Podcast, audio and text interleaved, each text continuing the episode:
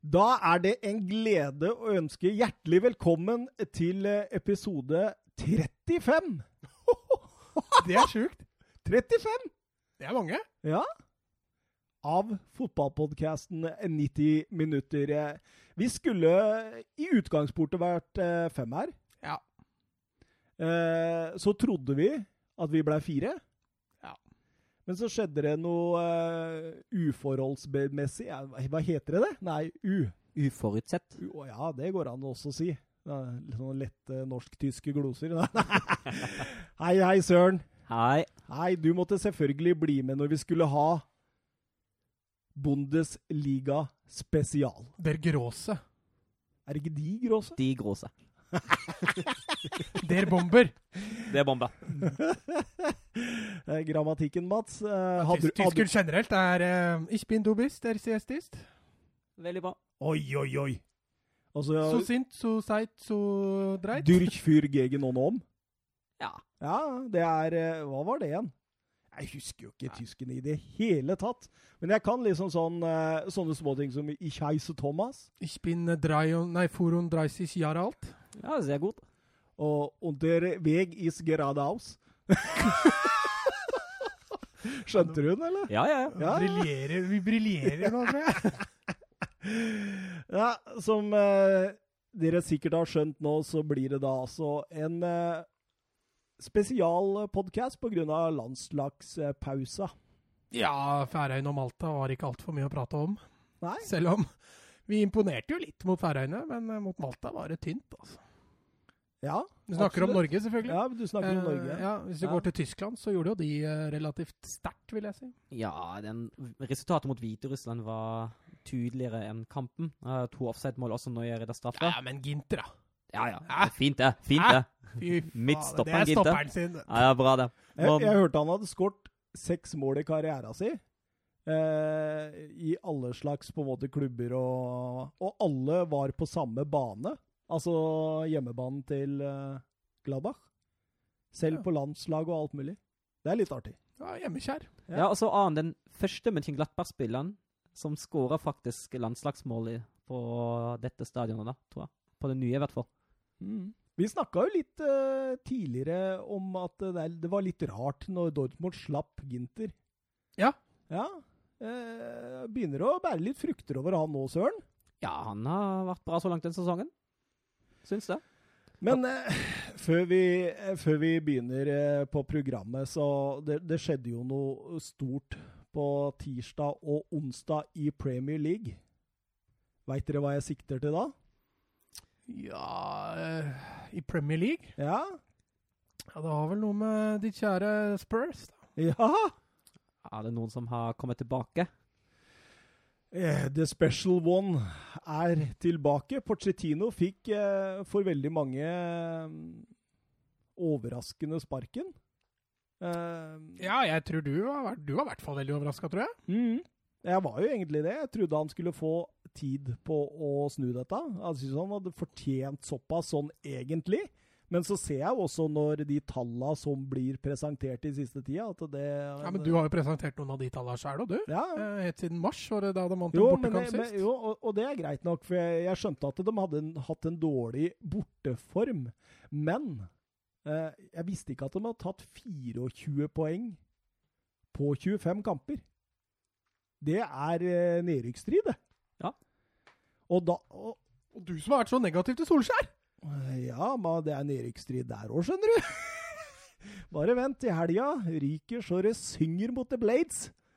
Skal jeg love deg. Skal jeg love deg. Men uh, jeg, Nei, så jeg tenker jo liksom det at uh, Selv om sjokket var veldig stort den uh, tirsdagskvelden, uh, tror jeg satt i halv to bare og leste og, og inn på engelske forum og kontakta eh, et par av disse jeg har i London, som følger klubben ganske tett, og snakka litt med dem. og eh, de, de, de, de var faktisk like sjokkert som meg sånn helt i starten, altså. Så du, du var veldig aktiv på Twitter også.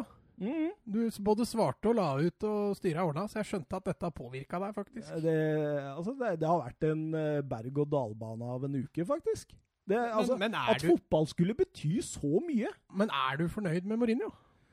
Jeg har ikke bestemt meg helt ennå. Men altså, når det navnet kom opp ikke sant? Dette her var jo en uh, Altså, det, det begynte jo å hagle i navn som skulle ta over. ikke sant? Bookmakere kom med sitt. Det var snakk om Nagelsmann, Allegri, det var snakk om eh, Ten Hag på sikt. Det var snakk om uh, Eddie Mourinho? Howe. Mourinho. Ja. Og så Mourinho lå sånn midt i den bolken av hva jeg skulle ønske meg. Men, men det er jo et safe valg. Ja, og det er jo et valg Altså, det- er det som har gått litt opp for meg i det siste. da. At dette her er jo altså, noe nærmere garantist for trofeer i europeisk fotball. Det finner du jo ikke. Jeg leste jo det at eh, Tottenham og United er de eneste engelske klubbene som har tatt trofeer i Det blir sju tiår på rad. Den Mhm. ryker nå for Tottenham.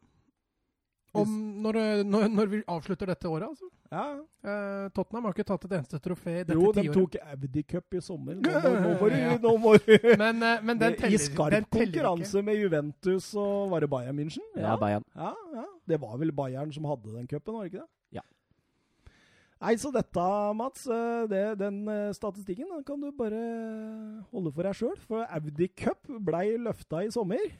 Ja, jeg tror ikke den teltes i den regninga der, så jeg beklager min forglemmelse der. Audi Cup bør jo selvfølgelig telle. Mm, absolutt. Så den eh, ja. Men altså, og så kommer jo Mourinho inn, ikke sant. Og jeg tenker jo det Det, det første som slår meg, for dette kom jo tidlig onsdag morgen, det er jo det at det, det var liksom deilig å vite hva som har skjedd. Eller hva som skjer i framtida, da. Og så og så var det jo voldsomt mye negativt, eh, både innad i supporterklubben, innad eh, i de engelske forumene. Det var til og med en som skrev noe så dust, la meg kalle det det, som at nå håper jeg vi taper mot Westham liksom, til helga. Da er, Ja. jo, da, er jo, da er jo ikke supporter i det hele tatt. Du støtter jo et lag. Hæ?! Men, men det som blir spennende å se, er, er fremtoninga framover under Mourinho. For Ja. at dette blir mer kynisk. Det, ja Jo, jo. Det, Eh, altså, for det- for en tropp-. For en tropp som er såpass offensiv, da. Det blir jo veldig spennende å se hvordan han balanserer dette. Men, men er ikke det egentlig helt gull? Å ha en tropp som er god offensivt, og du kan jobbe med det defensive? Altså, og så sette en kynisk fotball, men ha en veldig god offensiv gruppe. Altså, Vi snakker jo om spillere her som kan gjøre ting på, helt på egen hånd. Ja da, jeg skjønner, jeg skjønner hva du tenker, men nå har jo du også vært vant med en offensiv tankegang rundt din egen klubb såpass lenge, eh, og jeg tror du har vært strålende fornøyd med det. Ja, Eh, nå kommer du jo til å måtte vri deg litt. Altså en bortekamp mot Westham. Jeg tror Mourinho er strålende fornøyd med et poeng der. Nei, ikke mot Westham. De, Jo, det tror de, jeg. de slipper jo inn. Jo, jo, men en uavgjort, sier jeg. Om det blir 2-2 eller 3-3, det kan jo godt hende. Men eh, du får nok en mer kynisk trener nå som, som spiller mye mer på resultat enn det Pochettino noen gang har gjort. Ja, det, det vil jeg anta.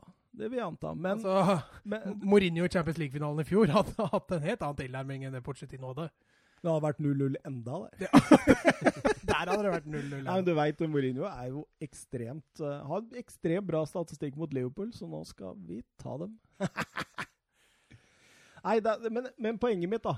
Hele poenget mitt med dette, det er jo det at det, så kom det litt bilder. Det kom eh, fra pressekonferanse, det kom fra treninga. Og så virka det som det var en litt sånn Mourinho du kjente tilbake i The Special One-tida. Ja, det er ikke feil, det. Nei, altså Og, og han, måten han ordlegger seg og liksom måten han eh, Du så han liksom gikk og klemte på Dele Alli.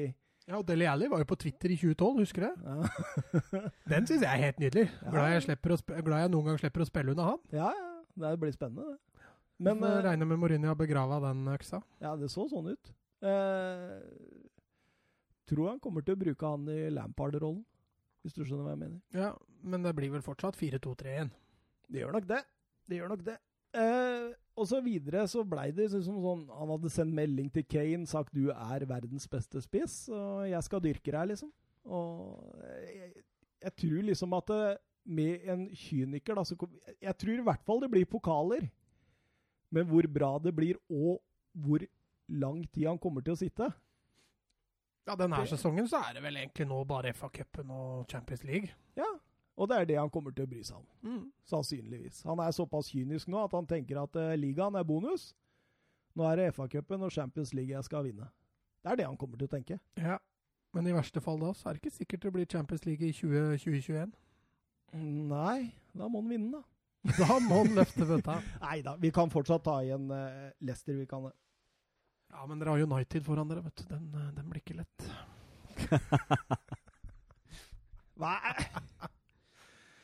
Åh, jeg blir svett. Nei, ti minutter eh, intro, det holder vel egentlig. Jeg, vil, jeg har egentlig bare lyst til å avslutte dette med å uh, si José Mourinho, José Ja, Vi får se da om du synger dette i slutten av sesongen. Åh, det er deilig. The special one is back! Hvis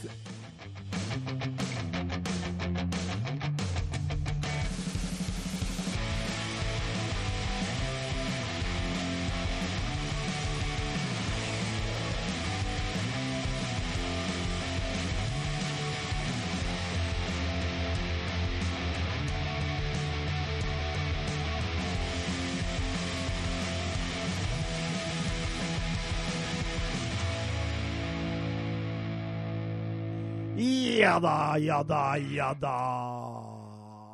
For oppmerksomme lyttere, så eh, Du, Mats, du sa eh, 'hvis' etter jeg sa 'the special one is back'. Uh, jeg jeg syns rett og slett Nei, jeg skulle til å si 'is back', jeg, bare, så det er mulig det hørtes ut som 'hvis' der. Altså, men eh, 'Hvis back'. 'is back'. Så.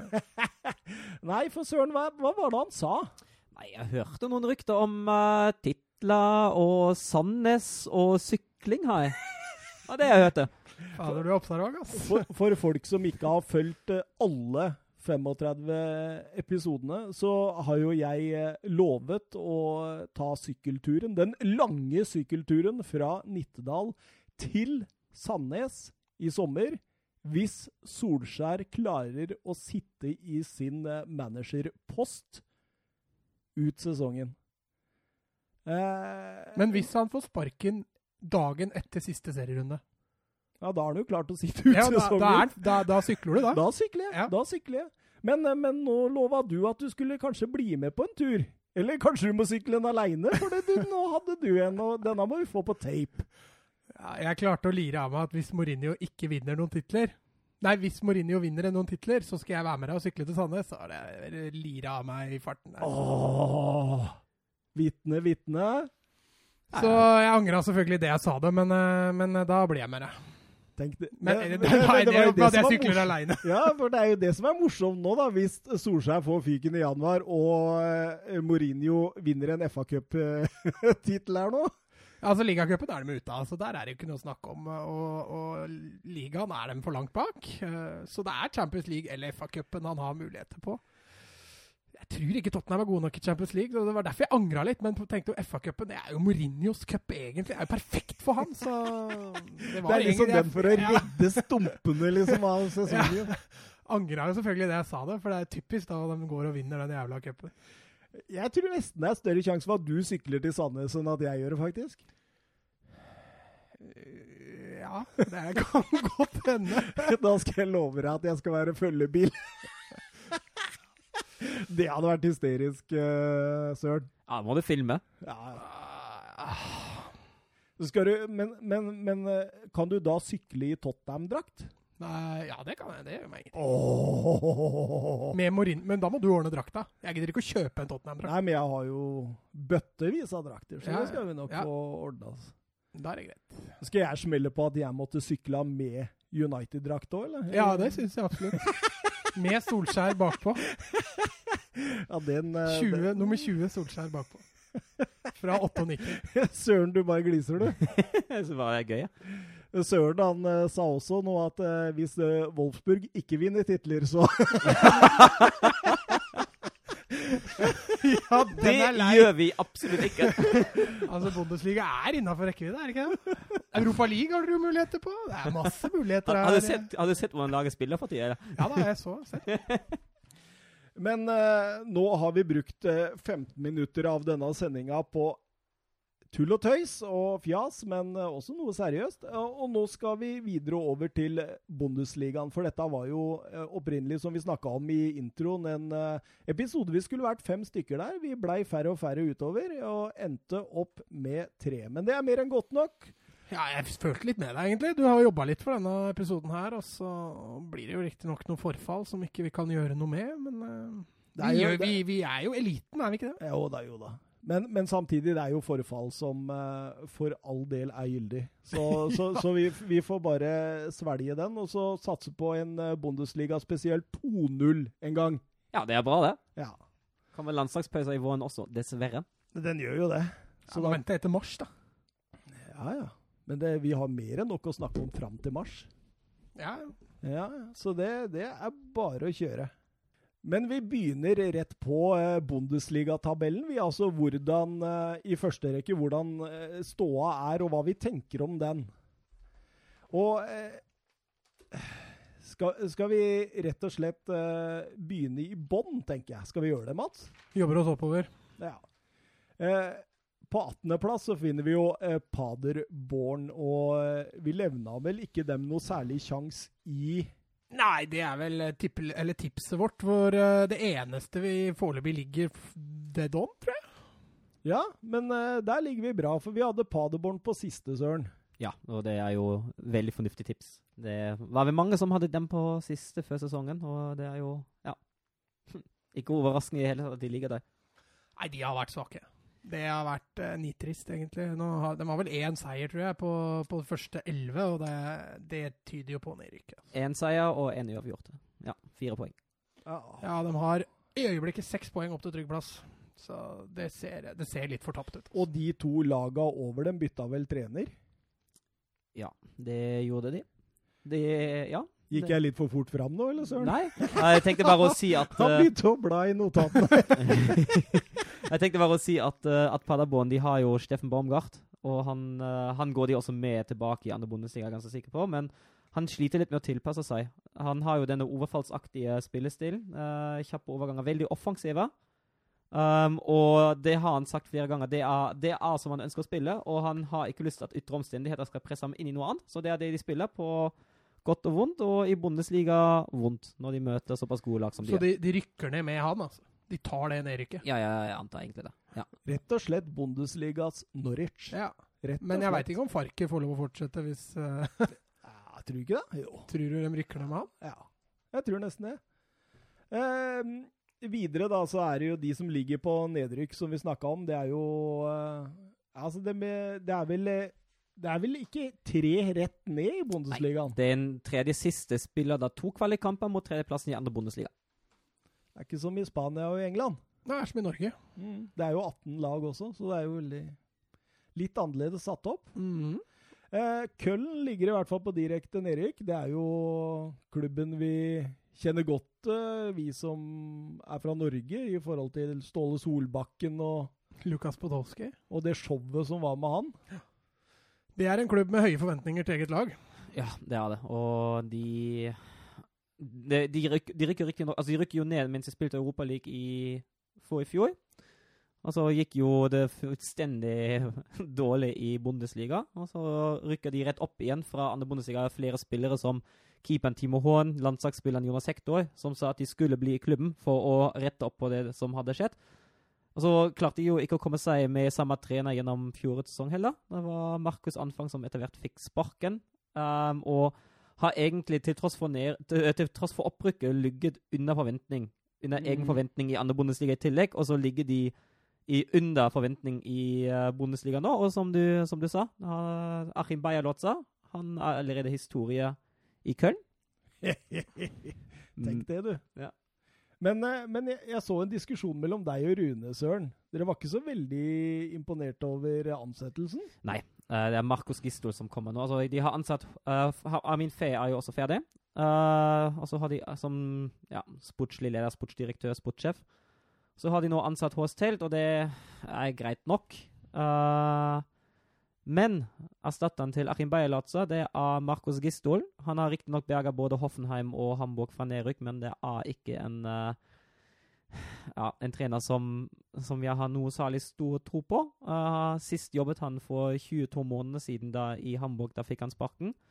Uh, og så ryktes det også veldig hardt at Köln egentlig ville ansette enten Bruno Labadia eller Paul Dardai, og at ingen av de to hadde lyst til å jobbe i klubben akkurat nå. Det, det skjønner jeg etter det styret Ståle Solbakken var igjennom. Ah, ja. Altså, da var vi jo ganske tett på det da, pga. norske medier. Men, men det trykket og det presset utenfra som han følte på der, det tror jeg var enormt. Altså, Ja, er- altså I forhold til hvor klubben egentlig ligger hen, og hva forventningene er rundt. Ja, liksom. det har ikke endret seg. Köln er jo en gammel storklubb. Er jo den første klubben som vant eh, Bundesliga etter innføring i 1963-64. Da var de på topp. Og så var de gode i en periode. Uh, var lang, lang tid ved siden av uh, Hamburger SV. Det eneste laget som hadde vært med til, i grunnleggelsen av Bundesliga og aldri rykka ned. Og det endret seg i 97-98, da det gikk ned for første gang til tross for spillere som Tony Polster. Og siden har det egentlig vært veldig, veldig opp og ned. En typisk sånn jojo- jojo-klubb. Pendler Men- mellom første og andre. Men Jonas Hector, han er god nok for det tyske landslaget. Eller er han det? Jeg, altså, nå var han jo god mot Nord-Irland to assister. Uh, men jeg, jeg personlig Ja, mener ikke at han er god nok. Han er en gjennomsnittlig Bundesliga-spiller som er helt grei, men som ikke burde være tysk landslagsmateriale. Nei, det var litt det jeg skulle frem til. Altså, for all del en OK fotballspiller, men uh, har ikke Tyskland bedre venstrebacker? Ja, og eh, Nico Schultz i Dortmund. Ja, men han fikk spille mot det Hviterussland. Ja, det var han dårlig. Det var han. Det var Ja, men, men er det ingen bak? Jo, ja, jo Halstenberg i Leipzig, men han er skada. Ja. Han, eller han har vært ja, Halsten, tilbake nå. Halstenberg Halstenberg er bra, og så- fantastisk. Glemmer du disse to offensive Leipzig-bekka? Ja, men, eh, men eh, det er vel bare Halstenberg på venstre? Ja. Men eh, det er en god en på høyre der Ja, òg. Ja, ja, men jeg spurte om venstrebacker. Men vi må passe på å ikke bruke opp hele programmet på Køllen nå. Eh, det eneste jeg skulle nevne litt, eh, det var jo eh, denne Noah Katterbach som du hadde som eh, talent. Jeg Ja. ser han er skada nå for tida. Eh, står en stor rød, rødt kors over navnet hans i lagoppstillingene til Køllen. Jeg skal se hva det går i her, men han har bare fått fire kamper i år, Søren. Ja, han hadde jo den første eh, Den første uka før jeg var, var hos dere. Uh, to da jeg, da jeg snakket om ham for noen uker siden. Og så spilte han to til. Men eh, han er jo fortsatt veldig ung. En eh, strekkskade fikk han eh, 3. november, så han er ute på ukjent tid. Ja, Kjedelig. Eh, videre, Mainz eh, bytta jo også trener. Ja, og hvis vi snakker om at Achim Beierlotz er historie Köln, så er han eh, absolutt ikke historie Mainz, for det er det han har overtatt nå. det er nydelig, vet du. Det er rundgangens Det er som å eh, høre norsk fotball. Ja, det er jo det. Tom Nordli Tom- har Tom- trent eh, Tom Nordli-effekten. Ja, ja. Trent halve Eliteserien. Men uh, hvordan tror du han kan gjøre det der, da? Ja, si det. Altså, han har jo vært, uh, har vært god i, i Regensburg i andre Bundesliga. Har spilt, uh, spilt all right fotball. Så hadde jeg i utgangspunktet litt mer tro på ham i Köln enn det, det endte med til slutt. Men det må sies at Köln er jo en spesiell klubb, spesielle forventninger. Så har jeg veldig tøff eh, startprogram da de egentlig møtte alle de store lagene i Bundesliga. Og så fikk han Fant egentlig aldri helt ut av, uh, av det etter den tøffe starten. Um, Mainz er nok litt roligere. Uh, publikummet da er litt mer tilgivende enn i Köln, så jeg, jeg tror det kan bli bedre, men det er ingen garantier. Sånn, Det er litt mer tålmodighet der. ja, litt mer. Altså, en, han, han må levere nå. Hvis ikke tror jeg det var det, var det for ham som Bundesliga-trener på det nivået allerede. Så uh, det Vi får se. Jeg er litt usikker på det. Det kan, det kan gå. Det kan også gå skikkelig galt. Men det er gode muligheter for at Mainz overlever Ja. til slutt. Det, jeg, jeg, jeg, de, har, de har lag foran seg på tabellen. Det er fullt mulig å ta igjen. ja, og så anser jeg ikke Bayer Lotze som den svakeste av de trenerne som er der nede. Da har vi andre kandidater. Oi, oi, oi, oi. Nesteplass, plass, de som ligger på 15. så langt. Det er et lag jeg faktisk eh, tror kan være en av de som havner bak Mainz til slutt. eh, Augsburg. Er helt enig. Syns det ser eh, voldsomt tungt ut der. Eh, De har jo Lichtsteiner, jo. ja, ikke sant? Gamle Juve og Arsenal-helten. Men det, det, det ser tungt ut, søren. Ja, Det har gått litt bedre de siste fire kamper. De har tatt fem poeng. Bare tapt uh, tapt én kamp mot Schalke. Men uh, jeg er enig. Uh, jeg har ikke noe tro på Augsburg. Jeg har ikke noe tro på Martin Schmidt, som jeg mener er en meget edimensjonal og begrenset fotballtrener. Uh, som nesten nesten utelukkende satser på, satser på overganger. Har ganske lite eget offensivt spill. Og det er greit nok Forsvaret ser bitte litt bedre ut nå enn før, men i det lange løpet tror jeg ikke at Schmidt kommer til å lykkes i Augsburg. Og det kan fort ende ganske dårlig denne sesongen her. Nedrykk eller kvalik, eller? Ja, det kan fort bli det. Kan fort bli en av delene. Litt avhengig av hvordan uh, Gisto slår ut i Köln, og hvor lenge Augsburg, hvis det går skeis, uh, holder fast ved Schmidt. Det må jo sies at uh, klubbledelsen i Augsburg nå har de suspendert enda en spiller. Uh, østerrikske spissen Grigoritsch, som, skulle, som, egentlig ønsket seg vekk i løpet av sommeren. Fikk ikke lov å dra. Nå sitter han egentlig mest på benken. Så gikk han ut i landslagspausen med et intervju der han uh, uttrykte sin frustrasjon. Så nå er han, uh, han fristilt fra trening fram til tirsdag. Og ikke første tilfelle var jo krig mellom uh, klubben og Martin Hinterheger, som til slutt gikk til, gikk til Frankfurt. Kayobi uh, sto for en del skandaler før han fikk, uh, fikk sparken. Uh, Philip Max er vel ikke helt fornøyd med sin situasjon, så det ser ikke ut som en, uh, som en frisk fotballklubb der borte. Absolutt ikke. men de har jo en keeper da, som er en liten 90 minutter-favoritt. Tomas Kubek. ja, gamle renn. Husker du, husker du jeg, jeg lo så jeg skreik altså, da han redda det straffesparket og skaffa renn, pokalen. I Frankrike? På, ja, mot eh, PSG der. Eh, videre 14.-plassen, Werder Bremen. Eh, ja, 2-2 mot Freiburg sist. Mye uavgjort, altså. Ja, jeg har fått det tøft og hadde til, til tider 11 eller 13 skadede spillere som beveget seg, i hvert fall, om ikke i start, i hvert fall rundt troppen. så så spiller de egentlig ganske grei fotball. De tapte nå 1-3 mot, uh, mot Mönchenglattberg på bortebane. Uh, så ikke sånn halvgant ut, det heller. Uh, jeg syns de får litt underbetalt. de burde ikke ligge så lavt. De vil egentlig kjempe om Europa. Jeg mener ikke at de er så gode. Men jeg syns heller ikke at de er så dårlige som tabell, tab tabellplassen tilsier nå, egentlig. Nei, jeg er helt enig med deg. Jeg syns Bremen har fått, fått, litt dårlig betalt. Uh, de har jo mye spennende spillere. Uh, Eggstein og, og Josh Sargent og, og, Rashika, er det det man sier? Ja, Rashika. Ja, han er bra. Han er, bra, altså. er nydelig. Ja, han er bra. så jeg, at dette Bremen-laget her kommer til å løfte seg et par plasser, det, det har jeg absolutt men, men så du Rashika? Han spilte jo for Kosovo mot England. Mm. Der falt han litt igjennom. Jo, men det gjorde veldig mange andre Kosovo-spillere. Ja. Når du taper 7-0, så er det Nei, hva er det? Det var fire. Fire. Ja. så, så, er det ikke så lett å briljere. Skal vi bare dra videre? Fortuna Düsseldorf eh, med Zack Steffen i mål. Altså City-leiesoldaten, City eh, som har gjort det meget bra. Og kanskje er en av grunnene til at de ligger eh, på god og trygg plass. Ja, det er jo han, han bak. Og så har de jo en god grunn som sitter på topp. Uh, Roven Hennings skåra Ja, vel uh, ni mål den sesongen her. Uh, tre sist mot Schalke, da de berga poeng etter å ha ligget unna tre ganger. Han tar rett og slett over arven etter uh, Luke Bakio, han? Ja, for tida gjør han det. Uh, overraskende. Han, uh, han, er 32 år gammel nå. Den, uh, den kampen mot Charga første gang han skåra hat trick i Bundesliga i hele karrieren. godt jobba. Ja, det er deilig, altså. Men i Zack Steffen der det ser ut som City har fått seg en som kan utfordre Ederson på sikt, altså. Dette er bra. Ja, øh, han har imponert. Hatt en meget solid sesong og bidrar sterkt til at øh, Düsseldorf øh, ja, overpresterer det. Nei Er det, Føler at liksom, altså, det, dette er det vi forventer av Düsseldorf? Ne, vi forventer vel nedrykksstrid, men vi forventer også at det er et av lagene som kan klare seg. De har jo en meget erfaren og fornuftig trener i Fritheim Funkel.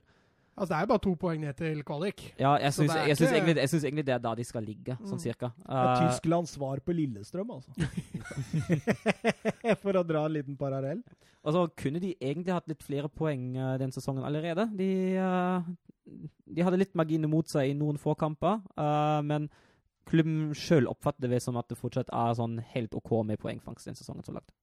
Ja, og på tolvteplass finner vi Hertha Berlin.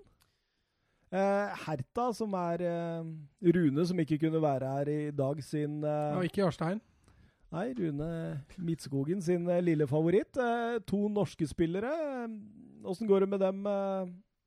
Det var vel også et Twitter-spørsmål òg, Hvordan det gikk med de norske spillerne. Og der har vi vel 50% av de norske spillerne i Bundesliga nå, har vi ikke det? Ja, Vi kan jo ta de to først. Uh, Rune Jarstein er jo soloklar førstekeeper. Uh, gjør det Jeg syns han presterer bra. Uh, han har riktignok fått 21 baklengsmål i 11 kamper og bare holdt nullen en eneste gang, men jeg syns fortsatt han, han, spiller en bra sesong. Uh, stort sett ikke hans feil at Nei, for det forsvaret der ja, det, det, er jo Altså Han, han Bojata som de henter fra Celtic, altså herregud, maken ja. til, en, eh, til, en, ubevegelig midtstopper som altså tar feile valg. Han så du allerede i City, at det kommer til bare til å bli kløn. Mm. Men han får jo tillit på landslaget til Belgia med jevne mellomrom. Ja, det er, jeg fatter ikke. Han er langt ifra god nok. Ja, jeg er helt enig Altså, altså ja, Jarstein, Jarstein, gjør en bra jobb. Jeg synes han, uh, altså, Til tross for at det kanskje ikke går sånn superbra i Herta, jeg syns han, uh, han er ja, står, stå bra som, som en egentlig er vant til ham. Jeg scrolla gjennom børsen på Kicker. Han ligger på førstesida der, altså de første sånn 25. Så han gjør det strålende, tydeligvis. Nok ja, totalt, da. Ikke første 25 i Herta. Ja, ja, første det. Han er topp 25 i Herta? Ja, han er eh, topp 25 i Bundesligaen, faktisk. Ja. Uansett eh, posisjon. Og så har vi jo Per Siljan Skjelbred, uh, som ja, forlenget sitt Berlin-opphold med ett år uh, for å være en litt sånn erfaren backup. Og med ham går det bedre enn forventet, syns jeg. Han uh, fikk spille åtte seriekamper så langt allerede. Uh, han har starta sesongen mye på benken, gjorde han ikke? Ja, han gjorde det. Men så var det jo altså, litt skada i, i, troppen også, så han ble Kom litt, litt lenger fram i køen. Og så starta han samtlige seriekamper fra runde fire til runde ti, og så måtte han måtte han kaste håndkleet i pausen mot Union Berlin, og så er han ute med en, med en liten skade nå. Men uh, det har gått bedre med han enn forventa, syns jeg. Men uh, det jeg tenker på med Herta, da, det er jo først og fremst uh, forsvarsproblemer. De, jeg har sett tror jeg, to Herta-kamper denne, denne, sesongen, og begge gangene så har Jarstein virkelig stått bak der og rista på hodet altså, over forsvarsspillet. Den ene gangen, jeg husker ikke hvem det var mot, det var jo nesten komisk. Det var jo nesten komisk av han eh, ene midtstopperen der, han eh, svære tyskeren. Ja. Niklas Stark. Eh, Niklas Stark, ja. Du, du, kunne jo le deg i hjel. Så jeg spurte jo liksom, husker Rune, er det dette Niklas Stark står for? Man, man mente at han var ganske bra. Ja, han, han er egentlig bra. Han fikk jo debut for, på landslaget nå, nå forrige kamp mot Nord-Irland. Uh, men han har ikke hatt en god sesong, og det er liksom det Hertha sliter litt med, at du har spillere som egentlig er solide, som ikke har en, uh, har en god sesong så langt. Og så har de, altså, syns jeg jo at Luke Bakio brukes litt feil. Han brukes jo litt mer som en kantspiller enn som en spiss, så da utfolder ikke han sitt fulle potensial heller. Nei, absolutt. Uh, vi hadde jo litt tro på han, ved at det skulle bli bra. Eh, vi hadde mest tro på at han skulle få sjansen i Watford igjen, vi. Etter fjoråret i Düsseldorf. Men det, det, gikk dessverre ikke. Han ble solgt til Hertha Berlin, og, og, brukes jo egentlig mer som en offensiv midtbanespiller eller en kantspiller. Jeg eh, syns det er veldig rart, med tanke på hvordan han gjorde det som spydspiss og kontringsspiller i Fortuna. Eh, videre så eh, finner vi faktisk Union Berlin. Ellevteplass, det må jo sies å være godkjent i forhold til forventninger. Veldig. Vant jo derbyet mot Hertha BSC 1-0 også. Man, eh, kanskje det man er mest fornøyd med i Union uansett. Ja, definitivt. Og det var en uh, fantastisk artig fotballkamp. Altså, ikke, ikke, kanskje ikke sånn fotballmessig, men, men trøkket rundt og sånn. Det er jo fantastisk å se på Union Berlin. Ja, det er jo altså, gøy. Hjemmebane for Union Berlin er jo Det er noe i seg sjøl, altså. Jeg syns det er veldig imponerende. Det dro i land en sterk borteseier mot Mainz, og hadde vel også i cupen også en borteseier mot uh, Freiburg. De slo Dortmund på hjemmebane òg. Ja, og tapte bare 2-1 borte mot Bayern. Ja, Så det Men da har vi, Mye av forklaringen syns jeg sitter i Ors Fischer, han uh, sveitsiske treneren de har. Uh, han er veldig, veldig flink til å til å gi laget en, uh, en god defensiv følelse. Uh, samt at han er ganske variabel og er flink til å analysere motstanderne og rette laget deretter. Jeg syns det, det, er ganske godt jobba fram, og den variabiliteten han, uh, han har. Nå har jo Union den desidert største stallen i Bundesliga, og med 32 spillere, så han kan jo velge å vrake han. Hvordan går det med Uja? Han får jo nesten ikke spille. Nei, jeg vet. Nei, Han, han skåra vel da de tapte mot Eintracht Frankfurt. Han kom inn som innbytter og skåra. Så tror jeg, hvis jeg ikke tar feil nå, at det var det eneste målet han skåra så langt. Og ja. Skåra han ikke mot Dortmund da? Jo, det kan hende. Når han vant uh, Ja, mener han det kan hende. Jeg husker jeg, husker dårlig her. Men uh, han er jo bak Sebastian Andersson, og nå egentlig også bak Sebastian Polter i køen. Nei, han skåra ikke mot Dortmund. Nei, jo, det er ikke det? Fint. Fint, det husker Husker jeg. Du, du fikk det. Han har ni kamper til sammen. eh, No, de fleste i innhopp. Ett mål, ja. Ja, ni, altså, ni, ni av, eh, av elleve er jo ikke sånn kjempedårlig, da. Men uh, ja, Sebastian Andersson er jo soleklart spiss nummer én. Mm. Men Altså- Ryerson Han fikk, uh, fikk innhopp mot Hertha BSC Berlin. Uh, første Bundesligakamp. Han, han var jo uheldig. Han ble jo skada i oppkjøringa, eh, og så var han bakpå. Og så har han neste problemet hans er jo at foran ham da spiller lagkaptein Trimil, eh, som har prestert solid den sesongen her, som høyreback. Og så fikk han, da et lite innhopp mot Heta Beste Berlin, men så fikk han spille 90 minutter i den cupkampen mot Freiburg. Oi, oi, oi, oi. oi. Tiendeplass. Wolfsburg og vår kjære Søren Døpkers favorittlag. Og hvis jeg da sier Søren 1-6 mot Leipzig, 3-0 tap mot Dortmund, eh, 1-3-tap mot Genk i Europa League og 0-2-tap mot Leverkosen i Bundesliga. Dette er her er en negativ trend for godeste Glasner. Ja. Men du var litt innpå det. Ja, det- Når vi liksom på en måte sa at wow eh, Wolfsburg har virkelig eh, overraska, så sa jo Søren det at eh, ja, men bare vent, liksom. Det kommer til å gå dårligere. Og det har det gjort. Ja, altså det, det bitreste av de tre Altså, greier, du skal ikke tape 6-1 mot Leipzig hjemme, men altså det, det virkelig dårligste av de tre, det er den mot Gent. Eller av de fire. Den uh, leder 1-0, spiller egentlig bra i 15-20 minutter, og så bare kollapser det helt og fullstendig. Mm. Så taper man en hjemmekamp i Europa League mot et belgisk lag. Det tas ikke godt imot i Tyskland. Nei, det gjør det ikke. Og der må jeg innrømme, der var jeg Der var jeg ikke fornøyd etter den kampen. altså eh, Men, men, men eh, var det det samme der, eller på en måte at uh, denne godeste Vegårst eh, er aleine og Det var jo faktisk Joe Victor som skåra. i den Oi! kampen mot, uh, Oi, mot oi, Gent. Han, han, liker seg mot Gent, åpenbart. Det er jo det de laget han har skåra mot sine to mål.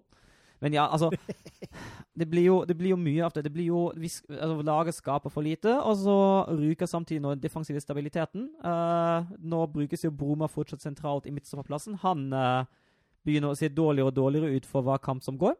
Uh, så ja, og så man, ser man jo samtidig at uh, Felix Odokai, som har blitt lånt bort til Augsburg, blir nesten bedre og bedre for hver kamp som går nå. Så da må man også spørre seg om dette valget var så lurt.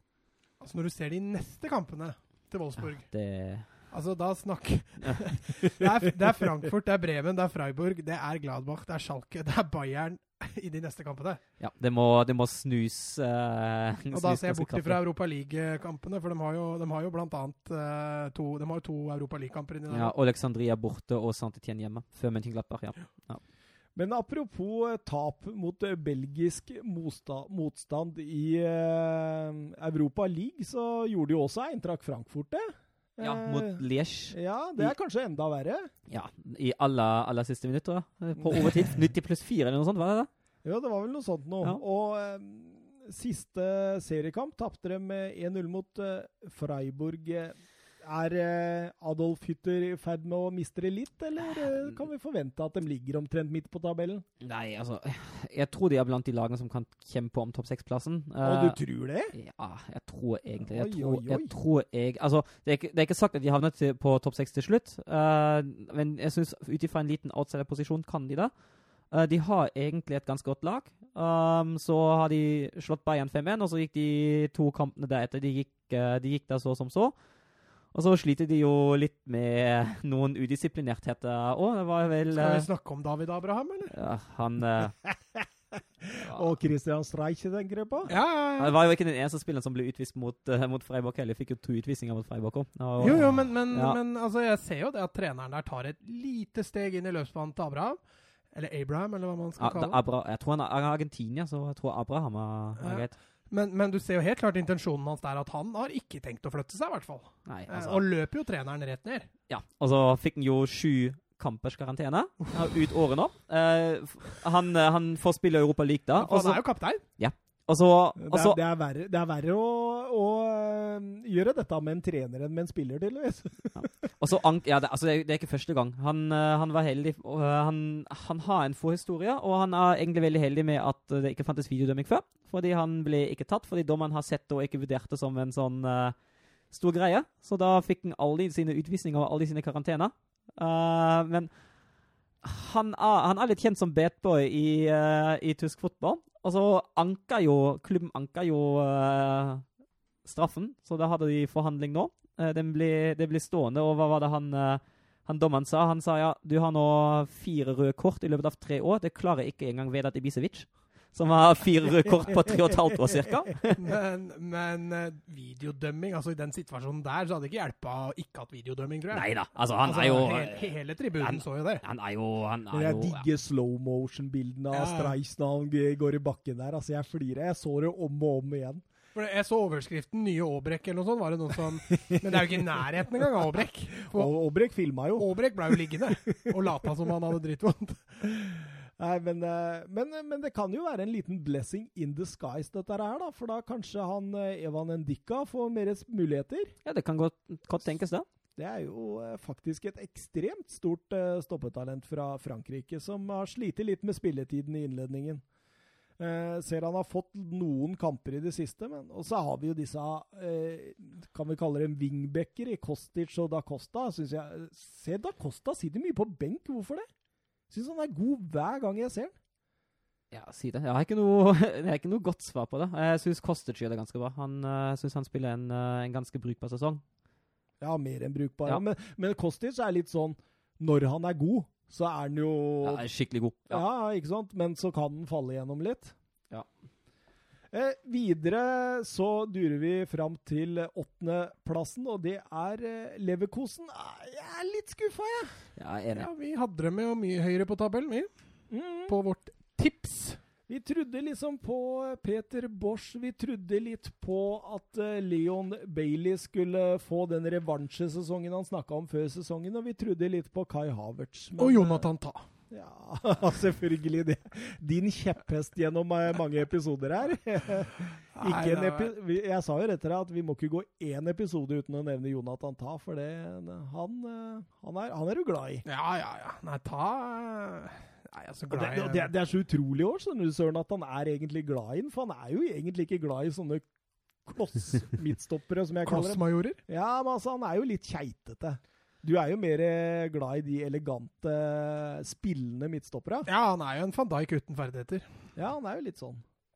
Eh, hva, hva tenker vi foreløpig, Søren, om eh, dette? Jeg syns det ser uh, han- Bosch har sliter litt med konstellasjoner, sliter litt Hvor skal jeg bruke Havertz? eh, Ja, altså, altså Spillere som ikke eh, eh, leverer på, på et jevnt nivå, da. Så, Ja. Som vi har vært inne på før. Baumgartlinger som Når han er bra, så er Leverkosen bra. Når han er dårlig, så er Leverkosen dårlig. Og det, han har variert veldig, altså. Ja, det er vel bare, bare en som har levert som skal offensivt, og det er, det er vel Kevin Folland som har levert brukbart. Men Ja, han eh, har vært bra. jeg syns også den kampen mot Wolfsburg nå, til, i, for to uker siden, eller en og en halv, uh, den søndagskampen Leverkosen vinner 2-0, greit, men uh, det er egentlig ikke en kamp der noen av lagene har fortjent en seier. Uh, jeg syns det er egentlig ganske svakt prestert av begge. Eh, litt sånn Det var en kjedelig kamp. det var en kjedelig kamp. Jeg synes det er litt sånn, Begge sliter litt med de samme problemene. Begge sliter med å, med å skape sjanser. Begge sliter ved å være kreative, idérike. Uh, noe av det skyldes jo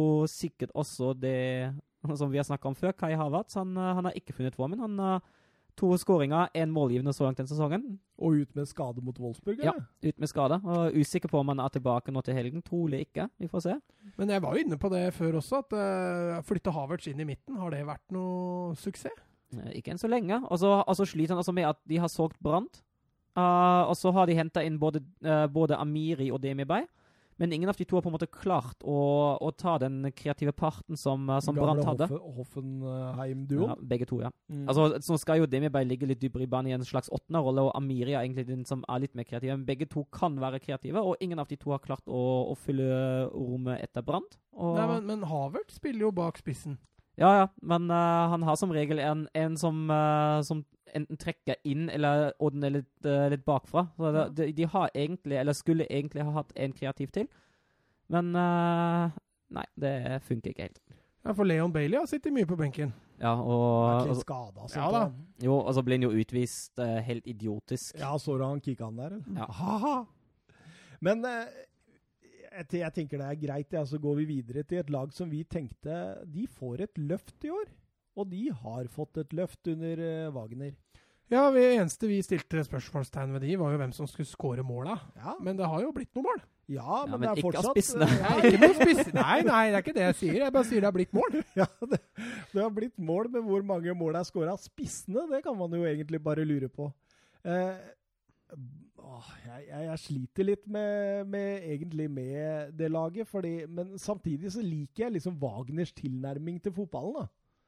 Syns jo han er en, eh, en flott ma managertype, og det at han fikk sparken i Huddersfield eh, det, med et lag som skal egentlig rykke ned 19 av 20 ganger fra Premier League, syns jeg var litt rart.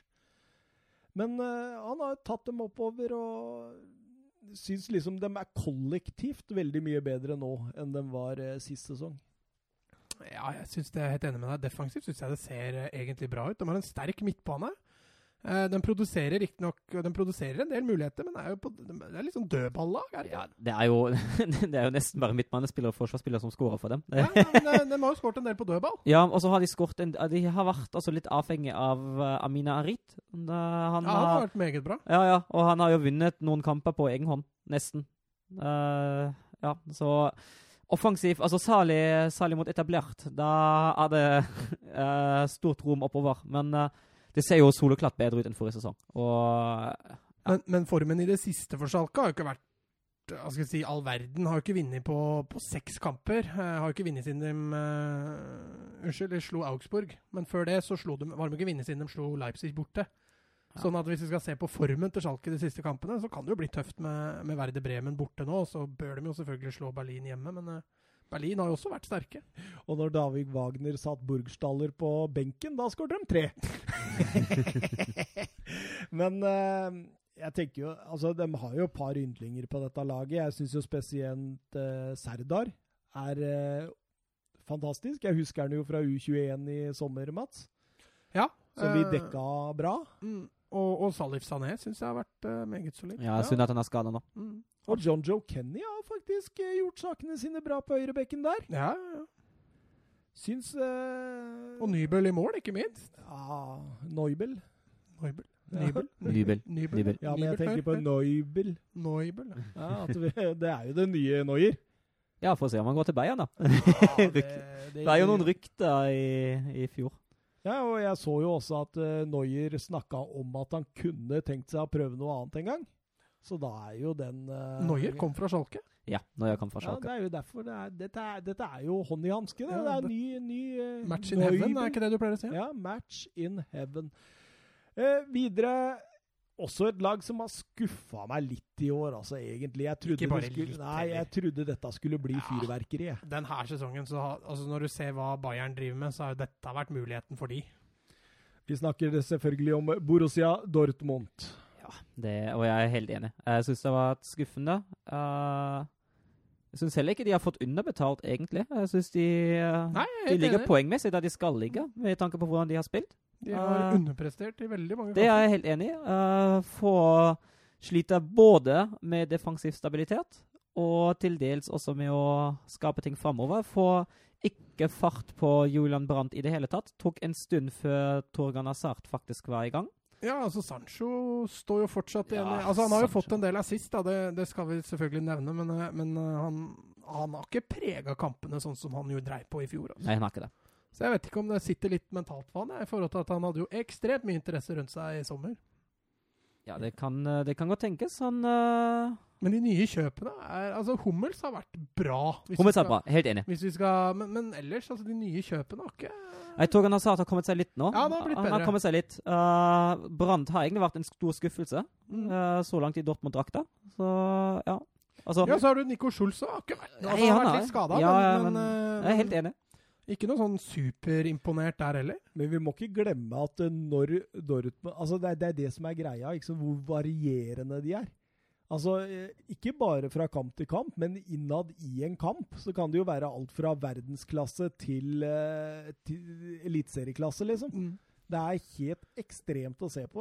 Men- men- når, når Sancho og Hazard og Royce og alle fyrer på plugga, så er det jo fantastisk å se på. Vi har jo analysert dem i et par kamper hvor det har vært også veldig bra, hvor du ser liksom Favres eh, plan med å så- kontre i hjel eh, motstanderen, og, og ikke minst det også eh, Altså skifte Hva er det jeg skulle fram til nå?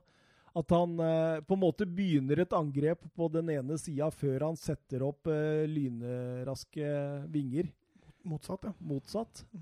Så det er eh, Tidvis fungerer det bra, men det ser ut som det ikke er så vanskelig å finne nøkkelen hvis du vil stenge dem av. Og jeg, jeg syns jo ja, den der kampen mot eh, Bayern nå eh, siste før landslagspausa, der ble de jo virkelig avslørt. Ja, veldig. Eh, men som sagt, jeg sa i stad, jeg syns Witzel har vært eh, De gangene jeg ser det, da Jeg har ikke sett alle kampene til Dortmund i år, men men Witzel syns jeg er, er helt nydelig. Og så har reservekeeperen Hitz overraska meg litt. Ja, han har uh, jeg syns ikke det bur savnet av Burki har vært noe sånn kjempestort. Uh, og så Jeg vet ikke, jeg går fortsatt og venter på Gutsy, altså. Det- Har, men har han noe plan B når Alcacer ikke er sånn? Er det? nei, de, For det de, har jo ikke andre spisser. nei, de snakker jo nå om å hente en inn i, en i, uh, i januar. Fordi nå nå har, de, nå har de skjønt det på en måte at de egentlig trenger en spiss til. Og jeg er jo enig i den vurderinga. De hadde godt av en litt annen type, en litt mer variert type, og en som faktisk kan avlaste Alcacer litt. Ja, Veit du hvem de rykter til? det? Mansukic. Manzukic. Ja. ja. ja, det er en litt annen type også, da, Ja. enn en Alcacer. Ja, men da kanskje de redder Det blir en eh, Jorente. Ja, kanskje de redder United-fansen fra en uh, Ja, det hadde vært blemme om Ja, det tror jeg, altså. Hvis de henter han, det hadde Og, og hvis de hadde bytta han også innad med Pogba, så hadde jeg jo flira meg i hjel, faktisk. Ja, Hvis de ikke får penger i tillegg, ja. Da. da hadde vi i hvert fall flira. Eh, men over til Hoffenheim, som ligger på femteplass. De starta serien med én seier på de seks første. Og Og har så Ja! Og så tar det av. ja. Hva, hva er det som skjer der, eh, Søren? Nøkkelkampen var vel en 2-1-seier mot Bayern. Uh, så har Kikka har utarbeidet en fin statistikk. At under Bayern-kampen og i alle kamper siden uh, begynner både antall sprinter og passnøyaktighet å stige, og, altså, og løpskapasiteten selvfølgelig til sammen. Alt går plutselig opp. Alle piler peker oppover på de rent fysiske dataene. Uh, og så vinner de da fem kamper på rad. Seks hvis man tar med, hvis man tar med cupkamp. Og så står de da, nå på femteplass, og det ser faktisk uh, for tiden ganske bra ut. Det Schreuder har fått til. Han trengte åpenbart bare litt uh, litt tid til å få til litt ting. For han har jo, han har jo sagt han vil litt, litt vekk fra en Eller han vil få en litt mer defensiv stabilitet. Han vil, uh, han vil bli litt mer kynisk enn laget var under Nagelsmann. Uh, og i det siste har sett veldig bra ut. Særlig den Schalke-kampen. Det er vel akkurat som han, uh, som han tenker seg være forholdsvis solid i forsvaret og kontre, kontre inn to mål til 2-0-seier. For det er litt sånn profilløst, dette Hoffenheim-laget også. Jeg, jeg digger egentlig han Florian eh, jeg. På Ja, altså Jeg sier ikke at det er spillere der det er vanskelig å bli glad i, men, men det er liksom ikke de store profilene i Du har jo andre, Andrej Kramaric. Ja. Spissen har vært mye skada, dessverre. Men han er jo ikke en stor profil. Nei han- Robert Skov har jo tatt uh, Bundesliga med storm, egentlig. Ja, men igjen, ikke en stor profil. Nei, nei, men uh, spillere som absolutt gjør det bra. Håvard Nordtveit, da? Stor, Ja. det er stor profil. Ja, Nordtveit. Uh, jeg tror Nordtveit Husker du innbyttet hans mot uh, Bayern? Ja, ja, helt enig. Det var, det, det var den uh, Det var den kampen han fikk i år. Uh, så langt, i hvert fall, den sesongen. Jeg Så tror, synd at han ble skada. ja, han ble skada. Og så tror jeg Nordtveit er en av de som sliter veldig med at uh, Hoffenheim ikke spiller internasjonalt i år. Uh, han fikk uh, Nagelsmann eh, og Hoffenheim var i Champions League i fjor. Da fikk han jo som regel spille ganske mye i Champions League, for da var det, var det rotasjon som gjaldt. Eh, nå roteres det ikke fullt så mye, for nå er det jo bare seriecupen. Og så sitter han ofte på benken. eh, fikk kamp mot Bayern, og så blir han skada. Men, nå men i år spiller de jo med tre stoppere. ja, Burde jo vært eh, muligheter for å få litt mer spilletid enn det han har fått, Hvertfall. hvert fall. For han, han har ikke gjort seg bort i de, tiden, i de minuttene han har fått. Neida, men det I er, hvert kan, fall ikke mot Bayern. nei, men det er kanskje heller ikke tilfeldig at han ble lånt til Fulham uh, i fjor januar, da.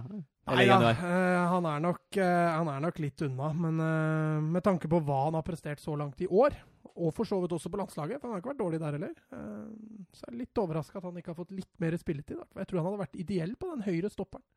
Ja, det kan, Med, med et presist høyrebein. Kan krosse litt. Det kan godt tenkes, det, ja. På fjerdeplass finner vi eh, Freiburg og eh, Er det- det Luca. Waldschmidt. Det er en fantastisk overraskelse. Det er jo kjempegøy å, å ha de der oppe. Hvor er det vi har dem på, slokka, eller? hvor er det vi har en på tipset? Vi har dem nede på 15.-plass. ja, ja, men det, jeg tror ikke det var så gærent før sesongen. Nei, det syns ikke jeg heller. Altså, mellom 12 og 15 et sted. Det er helt greit, det. Chris Gunther, Kristoffer Gunther, han var bra. Christian Ja, han venstrebekken, Ja, jeg tenkte på han, Husker du han i Nottingham Forest? Chris Gunther. Ja, ja. Ja. Ja, Han var vel inne hos Tottenham en periode òg. Han venstrebekken er fantastisk. Han, Ja. eh, han, uh, han er bra defensivt, han er bra offensivt. Uh, for meg Freiburgs beste spiller så langt denne sesongen, til tross for Altså andre gode spillere som de har. Nå er jo Waldschmidt dessverre skada. Ble skada under landskampen. ja deb var debuten hans nå, var det det? Eller debuterte han forrige gang? Nei, jeg tror det var ikke debuten hans. Jeg tror han debuterte før. Men uh, blir i hvert fall skada. er ute nå en liten stund. Så er det Petersen som, uh, som skårer godt på topp. Og så har de jo mista Vincenzo Grifo nå også, fordi han eh, Han slo jo til eh, Abraham etter at Abraham rant i streik, så han er ute i de neste tre kampene. Så nå må andre spillere trå litt til deg. Men vi, vi må ikke glemme Robin Koch heller. Nei, han, Nei, definitivt ikke. han har vært god så langt. Debuterte vel på det tyske landslaget nå, Ja, det gjorde han. I eh, duo med Ginter. Eh, et stoppepar som eh, ser jo ganske egentlig anonymt ut i forhold til hva man er vant til fra det tyske landslaget. Ja, så er det stoppepar de kan ha glede av i mange år, men, men Jørgen Løv han eh, rullerer jo så vanvittig på mannskapet sitt, så det er ikke sikkert de får spille så mye mer sammen. Nei, det, men han vil ikke ta inn Hummels. Nei, det, det, det toget har dratt. Ikke, ikke, nei, han sier faktisk Han har ikke Altså, ryktene sier at han ikke har bestemt seg nå, at, han mener akkurat nå er det ikke nødvendig. Han vil heller bygge opp et ungt lag, og så forventer egentlig mediene litt at man ser hva som skjer i løpet av VM, men uh, jeg, jeg, tror, jeg tror kanskje også han forholder seg sta til, uh, til den personen der. Men har han råd til et nytt mislykka EM? Det, jeg håper jo egentlig ikke det, men eh, jeg frykter nesten at Fotballforbundet har den heltidyrkningen med ham såpass høyt oppe internt at uh Han har vel kanskje noen bilder eller et eller annet da, på noen av de styrene? Jeg er helt enig Jeg med begynner deg. jeg nesten å lure på om du har bilder av Ja. folk òg, for du, du, du drar veldig ofte den parallellen der. Ja, for jeg blir litt overraska noen ganger. Fordi Ja. sånn som, eh, så Husker var det Rudi Føller som var trener i EM i 2008? Og Tyskland røyk i gruppespillet. Ja, 2004, ja. 2004. Ja, altså, han kom jo til VM-finalen 2002, Ja. etter at uh, Erik Ribbeck hadde jo skakkjørt uh, Ja, ja. landslaget røyk i EM 2000 i gruppespill i en gruppe med Romania, England og Portugal. Og så kom følgeren følga med sånn absolutt forferdelig fotball til VM-finalen i 2002. Vant jo samtlige kamper 1-0, og så var det jo Eller i hvert fall i sluttspill, og så var det jo Oliver Kahn som uh, redda alt. Og så røyk de i finalen mot Brasil. 2-0. Ja, begge ganger Ronaldo. Mm. Og så var det, og så var det EM 2004, der man blant annet spiller uavgjort mot Latvia, tap mot et tsjekkisk B-lag. Uh, altså uavgjort mot Nederland, tror jeg, hvis jeg ikke tar helt feil. Uh, Og da han fikk jo sparken tre kvarter etter at de hadde blåst av gruppespillet. han trakk seg sjøl. Og det som, ja, men han trakk seg ganske fort. da. Ja, han trakk seg, med, han trakk, kampen, han trakk seg umiddelbart, ja. For det, Tyskland røk, jo gruppespillet nå i, i 2016. Og, Ja. Nei, var, var, var, det- var, det- var det da Klinsmann kom inn? Ja, Det var det. Ja, stemmer. Han skulle forberede laget på EVM på hjemmebane. Ja. Og det blei jo en stor opptur for Tyskland, husker jeg, selv om det bare blei bronse. Ja, det stemmer. Jeg tror tyskerne var fornøyd med Ja, altså var det jo Det var jo litt uheldig den kampen mot Italia, den siste. Ja. Men, uh, men det, det var det som, det som på en måte ble levert, var fin fotball på banen. Uh, god stemning, og det var, det var på en måte nok. Og så husker jeg, det var Løv var jo assistenten Ja, Han var en taktisk assistent, fordi Klinsmann har jo ikke noe taktisk Ja, så husker jeg De sto, der, sto der i dongeribukser og hvite skjorter, hele gjengen på trenersida til, til Tyskland. Mafia-look. Mafia. Men det, øh, åpningsmålet Ja, Lam mot Costa Philip Rica. Lam! Ah, fy I faen! I. München. Ah, helt oppi i krysset. Ja, altså Spiller med gipsarm, tror jeg. Jeg tror han uh, brakk etter. Han har gipsarm og skåra den uh, skruen inn etter ni minutter. Eller det er helt nydelig. Deilig, deilig. Eh, da er vi inne i topp tre, og nummer tre det er eh, Bayern München, eh, som har eh, i løpet av eh, starten av sesongen sparka trener Niko Kovac, og foreløpig ikke erstatta han, bare, bare midlertidig. Ja, vi snakka jo om hvem som blir nye treneren inn. Eh, Jeg og Søren var vel enige om Wenger, og du mente Flikk. Og så langt så har du hatt uh, Har jeg hatt rett?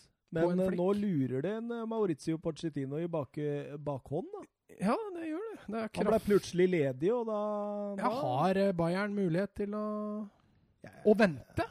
Det, det, jeg veit ikke, altså. Fordi det er flere som sikler etter han der nå. Altså. Men det går, jo, det går jo an å ta kontakt med ham uten at uh, nødvendigvis alle får det med seg. Og Det var jo du som sa at Flikk var blitt lovt jobben til vinteren. Ja. det stemmer. Jo, jo, men det er jo ikke skrift, skriftlig. Nei, og det, men det kan fortsatt hende at han får jobben til vinteren. At man, at man blir enig i Pochettino i løpet av neste ukene hvis man ønsker det. Og at man blir enig om at du, du tiltrer etter 1. januar. Ja, men man, hva, hva er vitsen med det?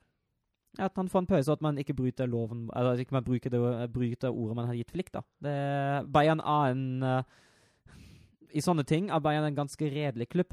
Uh, så hvis de sier det, er det som regel altså at de holder seg til sånne ting, da. Ja, ja, men, men nå hvis har jeg, jo Hønes uh, gått, så nå hvis, hvis jeg hadde vært Porcetino, uh, så kan det jo også hende at ja, du skal få lov å begynne å jobbe her, men ikke før 1.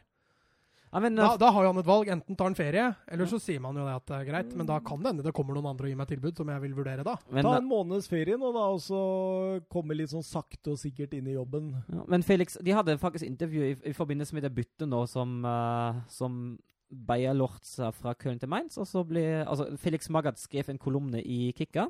Da snakket han også om, fordi han gikk jo, han fikk jo sparken i Schalke, og så runden etter satt han på trenerbenken i Wolfsburg. Og da sa han, han skrev nå at eh, ja, den avgjørelsen har jeg ikke tatt, tatt uh, hvis jeg hadde tatt den en gang til. Fordi han, jeg, jeg, han sa han trengte egentlig en pause. Og han syntes han ble egentlig ganske sliten, men han gjorde det bare for å gjøre klubben en tjeneste, da. Så kan godt hende at Pochettino kanskje syns det er greit å ta en liten pause òg. Ja, ja, men, men, men hvis vi sier da at Pochettino ikke føler han trenger en pause, Da, da Altså, jeg tror ikke at hva er da poenget? gutta, gutta, nå er vi dypt inne i Twitter-spørsmål. Ja, ja, altså. men hva er poenget da med å vente? Det er egentlig ikke noe poeng. ikke, hvorfor ikke la han begynne å jobbe nå? Nei, det sier det. det altså, er det, Fordi det, de har lova Flikk å sitte til januar? det er spørs hvor mye de får, føler seg bundet til, da. Det Ja, du, var det et spørsmål. Ja, det er det. Jeg, jeg, jeg, ja. Men altså, er det jo spørs i hvilken grad uh, de diskuterer Pochettino. Det ser jo ut som at den, at den er en kandidat. Altså, Eh, for, for meg så er det en no-brainer. ja, for meg òg. Absolutt. Mm. Jeg hadde tatt den med Eh. en gang. Og jeg hadde tatt den, og, og hvis det betyr at Flick eh, blir assistenttrener igjen, altså so be it. Det Hadde jeg vært og Hassan Salamasalic Men, og men, men det som er greia, vet du, er at Pochettino han kommer ikke til å Han kommer til å ta med seg teamet sitt. Han kommer til å ta med Jesus Perez og dem. Så, Ja, ja, så Flick, Flick han må nok eh, Må nok eh, gå tilbake til eh, Kista, holdt jeg på å si. Det hørtes drastisk Ja, det fins jo alltid altså I en sånn klubb som Bayern München man klarer alltid å generere Hvis man ønsker å beholde den, klarer man alltid å generere, generere Ja, ja. en jobb til en, til en ja, assistenttrener-ish. Altså. Nummer to, RB Leipzig. Ja, var det ikke noe Twitter-spørsmål? Jo, men vi tar jo dem etterpå, da, OK! Mats. Er du Nå Nå? Nå? Nå datt det ut. Vi var på andreplass. Leipzig? Leipzig. Julian Nagelsmann eh, fått kontroll på det offensive, kan man si i hvert fall. Ja, du var jo inne på at eh, Leipzig har justert seg litt offensivt. Eh, det har ført til at uh, uavgjortrekka og tapsrekka de hadde, den, den har de fått snudd litt på. 20 mål på fire kamper nå. Ja, skårer voldsomme mål nå og ser ekstremt solid ut, egentlig. Ja. Det er, det er dette. Ja, Vi får håpe denne landslagspausen ikke har ødelagt for, eh, for Leipzig. eh, Nå møter de jo Köln da, i helga. Ja, det er vel uh, veldig få i køen som faktisk regner med at det skal bli noe der. Ja, altså De møter begge båndlaga i de to neste kampene. nå. Først Köln, og så, og så Paderborn. Og så har de selvfølgelig Champions League imellom. Men alt ligger til rette for at Leipzig står med seks poeng på de to neste kampene. Og da er det gode muligheter for at de uh, har tatt igjen det lille forspranget Gladbach har. For uh, nummer én er eh, Borussia München-Gladbach. Det laget jeg har latt meg begeistre kanskje mest av foreløpig. Men som jeg samtidig føler at uh, det, det kan falle litt. Altså, det er litt skjørt. Ja, det er litt skjørt. Ja. Altså ikke kjørt, men skjørt. Skjørt, ja. Mm. Jeg sa skjørt. Oh, ja. Ja, hør på podkasten etterpå, så ser du. Nei, Jeg, jeg syns det ser offensivt ser det veldig bra ut. Uh, mener jeg absolutt. Det er mye som fungerer fint framover, men det fungerer ikke like bra bakover. Hvis du ser på Altså, de har bare fått 11 baklengs, av nest best i klassen i Bundesliga. Men hvis vi ser på expected goals, da ser det helt annerledes ut. De har nest mest uh, expected goals av alle lag i Bundesliga. Da ligger de på 26,88 expected goals. Bare Bayern har med med 28,2. Men expected goals against, der ligger de plutselig på 16,84, og det er en ellevteplass i Bundesliga. Uh, de vinner nok uh, mye på at de har en veldig, veldig veldig god keeper i Jan Sommer. Men uh, jeg er enig, det ser litt altså Særlig bakover ser det ikke sånn superstabilt ut hele tida. Så men, men, siden du var inne på det, hvilket lag er det som har sluppet inn minst mål? Søren? Det er Wolfsburg. det er jo nesten det var, som Var rart du ikke påpekte det. Jeg tenkte jeg, jeg må hjelpe deg. men når du ser laget der, da, så er det jo mange positive ting. Elvedi og Ginter bak. Eh, brukbart stoppepar. Eh, de har jo en eh, Stefan kan, Liner som har vært veldig bra. Du kan ta i litt mer enn brukbart. Ja, absolutt. Eh, Sommer står, eh, som Søren sa, står meget som... godt. Du har en Dennis Zakaria på midtbanen der som ja, var jo linka til halve Premier League i sommer. fortsettes å linkes nå, ser jeg, til store lag i Premier League. Eh, en Tyram, en Benes, en Patrick Herman som har kommet tilbake fra skade. Ja, og har gjort det overraskende bra. Ja, og vært veldig bra. Og så må det jo sies at Tyram, han uh, han stepper jo virkelig opp da både Plea og Embolo, uh, spisskameratene, ble skada. Så får Turam litt mer ansvar offensivt, og så klarer han det kjempebra. Marco Rose imponerer. Ja. Ja. Det er helt enig. Det er kjempebra. Uh, var det førstevalget til uh, Wolfsburg, eller? Ja, det var det egentlig. Ja. Jeg syns jeg hørte noe om det som tok til takke med andrevalget. Det måtte jo kanskje det, da? I Glasner. Ja, han uh, Rose har, bestemt seg for München-Glattberg. Vi veit jo hvordan tabelltipset vårt var, men skal vi justere litt sånn Uten at det er tellende, men vi justerer litt i forhold til jeg er i hvert fall med på at Gladbach ender topp fire, og at vi kan dytte Leverkosten ut. Den, eh, den tror jeg er, eh, er grei. Eh, og så tror jeg, når det gjelder litt nedover på tabellen, så tror jeg kanskje Union Berlin eh, kan fort, eh, i verste fall, gå på kvalik. Ja. Jeg, som det vi sa i stad, så tror jeg Augsburg går rett ned. Ja. Jeg ser vi har Augsburg på kvalik og Union Berlin rett ned, så da er vi ikke så gærent, da, med tanke på at vi hadde Paderborn på siste i den striden. Nå har vi Bayern München på første. Ja, den står jeg fortsatt inne for. Det gjør jeg òg. Den står jeg inne for, men jeg tror de får hard kamp. Uh, først og fremst av uh, Leipzig. De hadde vi på fjerde. Ja, der har vi bomma. Ja, vi har bomma, for vi har til og med Leverkosen over. Ja, er, Jeg skjønner ikke hva vi har tenkt der, altså. Uh, vi får gå hva tilbake var, og høre. Ja, hva var argumentet for det? Jeg kan ikke huske det. Nei, det var jo Men hvis du ser på eh, lagoppstillingen og på en måte troppen til Leverkosen, da, så er jo den veldig bra. Så jeg tror vi har overvurdert Peter Bosch. Nå har han eh, tabba seg ut i Dortmund. Nå er han i ferd med å tabbe seg ut i Leverkosen òg, for det laget der det er mye bedre enn at de skal eh, drive og kave nedover på tabellen i Tyskland. Eh, jeg tror uh, Leipzig uh, blir nummer to, jeg nå. Mm. Og så tror jeg Gladbach uh, tar uh, tredjeplassen. Ja. ja. Kan være enig i det. det. Dortmund fjerde, eller? Ja. Da er vi faktisk enige, da. Oi! Ja, Dortmund må jo skjerpe seg hvis de skal klare fjerde òg. For det, de er altfor ustabile på det de driver med nå. Bayern må også skjerpe seg litt, men det Flick og Bayern viste mot Dortmund, det, det, det er i hvert fall prov på noe, at noe er på vei, i hvert fall. Skal vi kjøre hit til årets lag, eller? Ja. Der har vi jo eh, vi, vi, gjorde en hjemmelekse. Vi skulle sette opp eh, eh, tre Altså, Rune skulle også, men vi blei vel enige om at det hadde vært elleve Bayern-spillere, så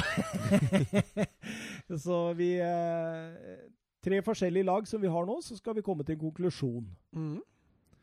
Eh, jeg eh, snakka litt med Søren tidligere i uka, og vi hadde tydeligvis gått for samme modell. Vi hadde liksom på en måte to lag, og så skulle man liksom bli enig med seg sjøl i løpet av podkasten. Har du det, eller har du ett satt lag? Jeg har ett satt lag med en benk. Ja, OK. Med en benk, ja. Mm. ja. Nei, men det er fint, for da kan vi kalle det andre laget vårt for en eh, stor benk. Eh, skal vi se om vi blir enige, da, i hvert fall. Så, så begynner vi med keeperen. Eh, der har jeg Jan Sommer. Ja, og den er jeg 100% enig i. Ja, den har jeg òg. Men hvis det var noen som skulle utfordre han, Søren?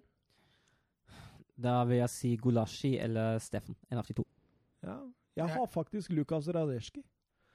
Jeg har, eh, jeg har eh, Steffen. Kan Da si blir det Steffen. Steffen på benken, da. Jeg, jeg skal ikke gidde engang å ta den, eh, for jeg har vært veldig imponert over Zack Steffen sjøl. Høyrebekken, eh, der står jeg med Stefan Liner fra eh, Borussia München-Glavak. Og da er jeg enig igjen. Nei, jeg er ikke enig. Jeg har Kimmich.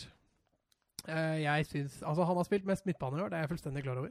Det er der jeg har den, skjønner. Ja, eh, men, men for å gjøre plass til litt andre på midtbanen, så har jeg tenkt at han kan jo fungere vel så bra på en, på en høyrebekk. og Derfor har jeg kjørt den ned på, ned på høyrebekken. Og så har jeg, har jeg faktisk Hakimi på høyrebekk, eh, på benken. Eh, Ja. Mest på grunn av Det er kanskje litt dårlig gjort, men han har gjort det fantastiske Champions League. og det regnes kanskje ikke med. Så jeg, Men så han spiller mye offensiv midtbane òg. Ja da, så jeg er forberedt på å droppe Hakimi, altså. Men uh, da er det to mot én, da, Søren. Ja det. Stefan Liner er eh, høyrebekken. eh, eh, på stopperplassen, da. Vi kan jo begynne med første stopper. eh, vi, kan- vi kan egentlig si begge, for ellers så blir det litt sånn. Ja, det blir vanskelig når den ene han ene, ja. Ja. Jeg har faktisk eh, Robin Koch fra Freiburg og Mathias eh, Ginter fra Borussia Mönchengladbach. Gøy. Da har jeg to helt andre. Oi, oi, Da jeg har Schalkes Salif Sané og Leipzigs Willy Orban. Ja. Jeg har, jeg har Sané og Koch. Da blir det diskusjon her. Eh, Jeg har eh, Sané på benken. Så hvis begge dere to har han i førsteoppstillingen, så er Sané med. Mm. Eh, Jeg har Hinteregger og Elvedi på benken. De har jeg òg på benken, begge to. men men eh, skal vi, skal vi rett og slett jukse, da? Så setter vi Salif Sané og Mathias Ginter. Er det innafor, eller? Dere har jo to, to mot én på Kor. På, kor, på meg. Ja. Så det Altså, jeg syns, han har vært god, men har ikke vært så god. Jeg syns han lever veldig av at han har blitt tatt ut til landslaget. Han Uh, har jo virkelig stått uh, Altså, Jeg må jo ærlig innrømme å si at jeg har ikke sett så mange kamper av Freiburg. Men, altså, han har jo vært god. jeg- Det, det, er klager på Ja, høyt nivå her. Og, men når jeg så liksom Måtte gå inn og titte på han etter at han ble tatt ut i den tyske troppen. Og da ble jeg jo imponert, selv om sikkert mye av det var skrytevideoer og sånn. Men eh, han, har, må, han har gjort en god sesong. ja, det, det er enig det- Han har en god ro. Ja, han er helt, jeg syns han var helt nydelig å se på. jeg syns jeg kan forsvare å sette den inn, selv om jeg ikke har den sjøl. Men eh, jeg, som sagt, jeg syns han, eh, han lever litt på sitt rykte av at han har blitt tatt ut til landslaget. Og så spiller han jo på et lag som har overprestert. Og Ja, han er jo en sterk bidragsyter Ja, det, og det er jeg til 100 enig i. Men han- han kommer jo fra Kaiserslautern Slateren for en slikk og ingenting, for å si det sånn. Ja, Litt sånn som Eh, Hummels til ja, Dortmund eh, en gang i tida. Virkelig tatt uh, steget. Men eh, vi, vi setter Salif Sané og Koch, men Salif Sané er vel ute omtrent resten av sesongen? Og det er synd. Han har virkelig hatt en god sesong så Mm, langt, ja. og så kommer den stygge skaden. Det- Så da er det jo nesten greit å, at vi har den inne, da, som en liten sånn tribute til eh, Salif Sané, som vi Ja, ikke kommer vi til å høre så mye om i framtiden. For vi kommer jo ikke til å ha på årets lag når sesongen er ferdig. Det gjør vi garantert ikke. Eh, Venstrebekken, da eh, skal Jeg kan begynne der òg, så kan andre begynne på spiss og midtbane. Eh, jeg har eh, det, Der gikk jeg en kamp med meg sjøl. Skal det være Christian Günther fra Freiburg, eller skal det være Marcel Halstenberg? Det blei Halstenberg. Eh, rett og slett fordi det har blitt en sånn litt ny favoritt for meg, faktisk. En, eh, det, det er liksom Han har kommet opp fra intet. eh, Selv veldig imponert over Günther og han er jo selve Mister Freiburg, egentlig. Men eh, jeg syns eh, Halstenberg fortjener det. Han uh, henta fra San Pauli eh, før eh, 15-16-sesongen, og debuterte også for Tyskland i 2017. og har... eh, men fikk ikke kamper igjen for et par år etterpå. Hva skjedde der, da? Veit du det? Nei, jeg, jeg, tror han, jeg, jeg, tror han var, jeg tror han var ganske, ganske skada. Jeg tror han hadde en langvarig skade. Men uh, likevel, det er eh, valget mine. Hva, hva tenker du, Søren? Jeg er enig i den kampen. Jeg sto med sammen. Min konklusjon ble faktisk Christian Gunther. Eh, og det, det skyldes at jeg mener at Gunther har faktisk hatt en såpass viktig og stor bidragsyter i hele systemet Freiburg. Uh, han, uh, han er bra offensivt. Han har ett mål og fire assister. eh, som venstreback uh, har vært også Og veldig involvert i seiersmålet mot Frankfurt forrige helg. Og så gjør han det veldig bra defensivt i tillegg. Uh, jeg syns egentlig han gjør absolutt det som kreves av en venstreback i fotballen i 2019. Og ja eh, Men det har ikke noe imot at du velger Halstenberg. Altså. Det er et godt valg. Det, Men det blir, det blir det, for jeg har Halstenberg. Ja. Ja. Da blei det, det- da ble de Jeg holdt på å si at det, det kan bli to Freiburg-defensive der. Og Nei, jeg har ikke med Gunther på laget mitt i det hele tatt. Jeg. Nei, du har Men, ikke det? men jeg har jo bare en benk som inneholder én bekk, da. Ja, så det kan være noe av grunnen for han er på min benk. Eh, Nei, da begynner vi på høyre på midtbanen, da, Søren, og da kan du få lov å begynne. Ja, da har jeg Marcel Sabitza fra Leipzig. Han har i Bundesliga har han eh, elleve mål, fire, fire sko Nei, unnskyld, elleve kamper, fire mål, fire assist. I uh, alle kamper har han uh, 17 kamper og 15 målpoeng. Han har vært en meget viktig bidragsyter for, for Leipzig. Uh, har skåret viktige mål, har hatt viktige assist, har vært veldig tilstedeværende. Uh, fantastisk sesong så langt. På benken har jeg Patrick Herman. Ja, jeg har Sabitzer på, på høyrekanten. Uh, på benken så har jeg egentlig Altså, jeg har to spillere som både kan spille høyre- og venstrekant og sentralt, men jeg tror kanskje Mbolo blir, eh, blir da reserven på som høyrekant. da. Selv om han har briljert i det mellomrommet. Mellom, Ja, men vi har jo ikke en mellomromsspiller, eh, og derfor så blir det Men det er jo litt av utfordringa med disse årets lag, Ja, ja, for å få det til å passe inn. ikke sant? Jeg, eh, jeg jeg gidder ikke å gjøre noe annet enn å henge meg på Salbitzer. Altså det, og spesielt god etter at Nagelsmann gjorde denne justeringa vi var inne på. Ja, ja. Uh, har jo jeg, jeg, jeg, er tom for ord hvor god han har vært faktisk nå de siste tre-fire kampene. Det har vært helt voldsomt. Og skyter fra alle hold. Har et godt uh, skuddbein. ja, det målet han har i Champions League òg, Oi, oi, oi, oi, er klasse, altså. Eh, de to defensive, eller sentrale midtbanespillere, kan vi kalle dem. Eh, hvem er det, da? Ja, jeg har valgt faktisk en eh, Jeg spiller faktisk med diamant her. jeg har valgt eh, en defensiv og en offensiv. Oi, oi, oi. Og da, had, da sleit jeg litt. Fordi da hadde jeg, Særlig på den, på den defensive plassen hadde jeg lyst å ta med både Schalkes Suat Serdar og München Glattbass Denne Zakaria. Jeg syns begge to har spilt en fantastisk sesong. Uh, har vært veldig, veldig gode. Uh, valget mitt falt til slutt uh, på på Suart Serdar fra Schalke, Uh, men det kunne egentlig nesten like så godt vært, uh, vært Zakaria. Jeg syns begge to har overbevist stort. Begge to har, har vært gode defensive og har bidratt mye i det offensive spillet. Ja, du og Mats. Men du, du, du tok bare én, du nå? Jeg tok bare, Ja. ja, Skal jeg ta en offensiv Nei, jeg- også? jeg kan Ja, godt ta den, den. ta den, nei, ta den offensive Ja. også, Da har jeg bestemt meg også for en Schalke-spiller, Amina Arid, uh, som uh, nesten har båret uh, Schalke-offensiven på egen hånd i en god del kamper her.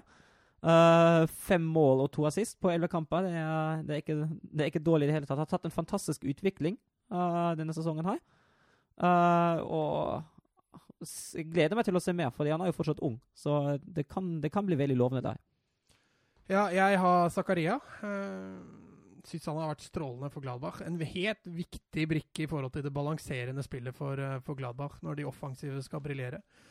Den andre er min store kjærlighet. Jeg veit han har variert litt, men Aksel Witzel er eh, Jeg syns han er helt nydelig, altså. Mm. Så det er de to sentrale. På benken så har jeg Serdar.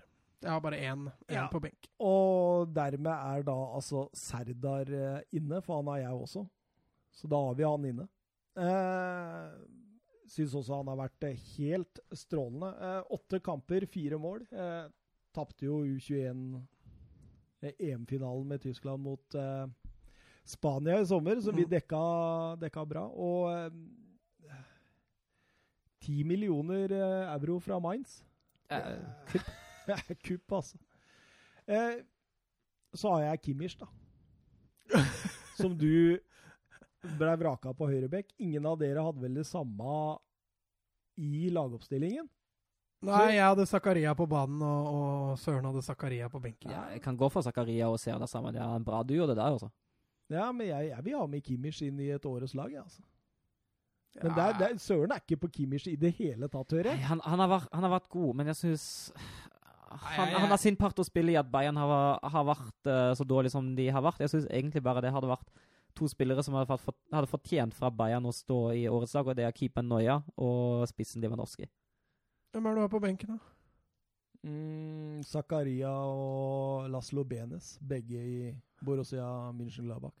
Så da har du Zakaria, du òg. Mm, på benken, ja. Skal vi dra Serdar og Zakaria, da? Blir det, da. vet du. Da blir det det. Så blir det, blir det Kimmich på benken da, sammen med Det kan vi, det kan vi fint si. Ja, helt greit. Eh, videre da, Søren. Venstrekant, eh, Markus Turam. Han eh, virkelig hatt bra. Har fått litt sånn eh, svak start. Fire kamper uten, uten målpoeng. Og de siste sju kamper i Bundesliga, da bøtta det inn. Han eh, Fem mål og fire målgivende. Uh, ser virkelig bra ut. Og litt sånn ja, høy type, men også med en veldig god teknikk. Overraskende god. Når man ser på han, så tror man ikke at han skal være så god teknisk, men han har det. Syns han egentlig har alt som trengs. Bra fart, ja. Gøy å se. Du, da? Nei, jeg har Turam der, jeg òg, men jeg var veldig nær å putte inn Rashika. Altså. Jeg syns han har vært eh, strålende i år. Eh, men, men det var så mye diskusjoner når vi hadde dette på Messenger, så jeg turte faen ikke å ta noe annet enn Turam. Du kasta deg der. Ja, ja, Turam, ja, med Filip Kostic som Men han har jo eh, prestert best litt mer som spiss, har han ikke det? Ja, han har det, egentlig. Men han spiller litt overalt, egentlig. Han er jo litt sånn. Han er bevegelig, det er jeg helt enig i. Da er det deg nå, Mats. Eh, De to angrips... eh, Eller angrepsduoen, som vi kan kalle det. Er den gitt, eller? Ja, det kan, eh, kan, jo, kan jo godt uh, hende, det. Jeg har uh, Patrick Herman og Timo Werner. Nei da. Nei, det blei Lewandowski og Werner som, som spisser, og så har jeg Plea på, på benk. Ja. Lewandowski, eh, regner jeg med alle har, så den er vel, ikke, er vel ikke veldig overraskende. Men den andre spissen kan jo være litt diskusjon. Ja, det, ikke med meg i hvert fall, for jeg har nøyaktig de to samme. Ja, Men du er ikke imponert over Werner? Nei, men jeg syns han har vært bra nå. Han, jo, han er jo leste vel en statistikk om at han er den spilleren de siste var det 25 kampene eller noe sånt, som har skåret mest mål. Altså, skår, eller nei, vært involvert Ja. I flest mål. Hvis du ser poengligaen i, i Tyskland, så, så er han jo fullt på høyde med Lewandowski, og Lewandowski har jo ikke assist. Eh, Werner leverer jo assister. Så har jeg faktisk eh, Kevin Vollan på benken min. Du må jo ha to, da. Ja. Det har jeg ikke. Nei. Ja, jeg har gått for akkurat de to samme spissene. Eh, egentlig en ganske enkel sak. Jeg tror det var litt derfor òg, altså. Fordi at eh, jeg tenkte at det blir ikke noe diskusjon, det der. Og så har jeg Folland på benken òg. Og så har jeg den andre spissen på benken, det er Roven Hennings Düsseldorf. Ja, det er jo faktisk uh, innafor, ja. Men eh, skal vi prøve å, å, prøve å huske hva vi ble enige om her, da? Eh, Jan Sommer i mål. Så var det Liner, Sané, Koch. Koch og Halstenberg. Ja. Det var Sabitzer, Serdar, Zakaria og Tyram. Og Lewandowski og Werner. Ja, det er bra lag, det her. Det, det, er, det er et bra fotballag. Jeg er innafor det. Eh, videre hva, hva står på programmet vårt nå? Jeg må jo finne programmet vårt. Der står det Ukas talent, faktisk. Skal vi bare dure i gang med det? Du kan jo få lov å Hvem, hvem av dere føler dere klar først? Altså, jeg kan godt begynne. Ja, begynne. Uh, jeg, jeg tok en spansk en, for jeg sa nemlig en annen en til dere før jeg begynte her i dag. Jeg ville bare teste og se om dere hadde samme. Men uh, jeg visste hvem det var, han du sa. Ja, men da, jeg, har- jeg har ikke han. Oh. Jeg, har- jeg har lurt dere. Eh, for den jeg, jeg har gått for, er Dennis Geiger i, i Hoffenheim. Julian Nagelsmann sa om Geiger at dette er en eh, ekstraordinær fotballspiller. Og, og eh, var en veldig aggressiv fotballspiller, både med og uten ball. Eh, det jeg har sett av han i år, så har jeg egentlig vært, eh, vært meget imponert. Han har riktignok rukket å bli 21 år, eh, så han er ikke super, super ung. Eh, har også kun fått én U21-landskamp, men, men dette er framtida til, til Hoffenheim, tror jeg, på, på midtbanen. Er allerede verdsatt til 8,5 mil på, på Transfermark. Uh, har spilt ni kamper så langt denne sesongen, levert uh, tre assist. Uh, spilt en, egentlig en meget solid eh, fotball, spesielt i den perioden nå hvor Hoffenheim eh, har løfta seg. Eh, hadde han spilt sånn fra starten av, så tror jeg også han hadde vært og banka litt på det rundens lag som vi som vi har satt opp nå. Eh, har spilt, eh, kom til Hoffenheim i 2009 og har spilt i Hoffenheim siden den gang. Så dette kan bli en ordentlig fin klubbspiller for, for Hoffenheim i, i framtida. Har kontrakt ut 2022. Så dette er nok en spiller de kan få gleden av i hvert fall i tre år til framover. Men når, når, når, vi drar sånne spillere som er etablerte spillere på topplag i Tyskland så altså, er det etablert, han har jo, han, Dette er første sesongen hvor han er ordentlig fast. Ja. Han var litt inn og ut i fjor, men han men, eh, men, men, men, du strekker den strikken litt nå? Ja, Hadde du hørt om henne? da? Ja, ja, ja, absolutt. Absolutt. Jeg trodde jeg tok en litt etablert som dere ikke hadde hørt om. Så. nei, nei, nei, nei. Jeg har hørt om den i hvert fall. Men det, det, det, vi skal ikke garantere at alle våre lyttere har hørt om den. da. Så jeg, det, går helt greit. Du overlever? Ja, jeg gjør det. Så jeg, jeg begynner å føle at jeg har funnet det, liksom det største ukjente talentet her nå. Altså. Men vi kan få høre med Søren. Ja, jeg har valgt Gianluca Itte. Det er egentlig en kar som jeg har hatt lyst til å velge en stund nå. Jeg tenker jeg Nå er det på tide. Nå har vi en tysker i Bundesliga-runden. Da går det bra. Han var født 5.1.1999. Han er venstreback, men kan også brukes som venstre midtbanespiller. Har så langt bare spilt sju kamper i Bundesliga, dessverre. Han uh, kom fra Frankfurt til Wolfsburg i januar 2015 sammen med tvillingsbroren Davide Itta, som passende nok er en høyreback. Dessverre ikke velsignet med like mye talent som uh, Gianluca, ser det ut som. Uh, han har spilt uh, 35 U-landskamper fra U15 til U20, og er nåværende U20-landslagsspiller, i hvert fall før skaden. Uh, han deltok i U17-EM 2016. var i startelven i alle fem kamper fram til tyskerne røk ut mot Spania i semifinalen. Um, så var han i Wolfsburg, og så var han litt sånn småskader, så kom han seg aldri helt forbi Jerome Roussillon, som virkelig var god forrige sesong. Så hadde han en klausul i kontrakten, så Freiburg kjøpte den for 2,5 millioner euro. Så ble han, uh, han skada i oppkjøringa igjen, og så måtte han bli bygga opp. Han uh, sliter litt med småskader. Han sliter litt med fysisk styrke. Han er, han er, kjapp, han har god kondis, han er teknisk sterk, han er en ekte teamplayer. Um, han vant i 2016 vant den Fritz Walter-medaljen i gull for alderskategorien U17. Og så har han i Freiburg nå dessverre kun spilt seks kamper for andre laget, og var i de siste to kampene var han i hvert fall med i troppen uh, til første laget, men han venter fortsatt på sin første Bundesliga-kamp i Freiburg. Og så har han jo Christian Gunther foran seg på, på, sin posisjon, så det blir jo ikke lett, men uh, Kanskje Christian Gunther blir solgt, du, siden han liksom har vært i Freiburg hele sitt liv og har fått sitt gjennombrudd nå? Ja, det, det, kan, det kan tenkes, det. Mm. Men altså, jeg håper virkelig ikke slår, slår, slår gjennom, er veldig spennende spiller. Uh, liker egentlig den tekniske måten han spiller på. Uh, og tror dette kan bli veldig bra når han slår gjennom. Oi, oi, oi. Jeg har funnet gull. Var ikke, var, var ikke det Mourinho sa da han hadde henta Jonobi Obi Miquel i sin tid? Jeg tror det. Ikke på norsk. Ja, kan, var det ikke Fellaini, ja? var, jeg tror ikke Mourinho noen gang har kjøpt uh, Fellaini, for å være helt ærlig med deg. Det var vel David Moyes som dro den dit over. Eh, men uh, ukas talent for meg heter Olivier Batista Maier. Uh, han er født 16.2.2001, som gjør han til 18 år. Han er født i Kaiserslautern av tysk far og brasiliansk mor. Han spiller for tiden for andrelaget til eh, Bayern München. Eh, er en venstreving, kantspiller, men som kan også ikle seg alle de offensive rollene eh, fremme der. Eh, startet sin karriere på akademiet i Leverkosen, eh, men eh, sommeren 2016 endte at Bayern München han som 15-åring.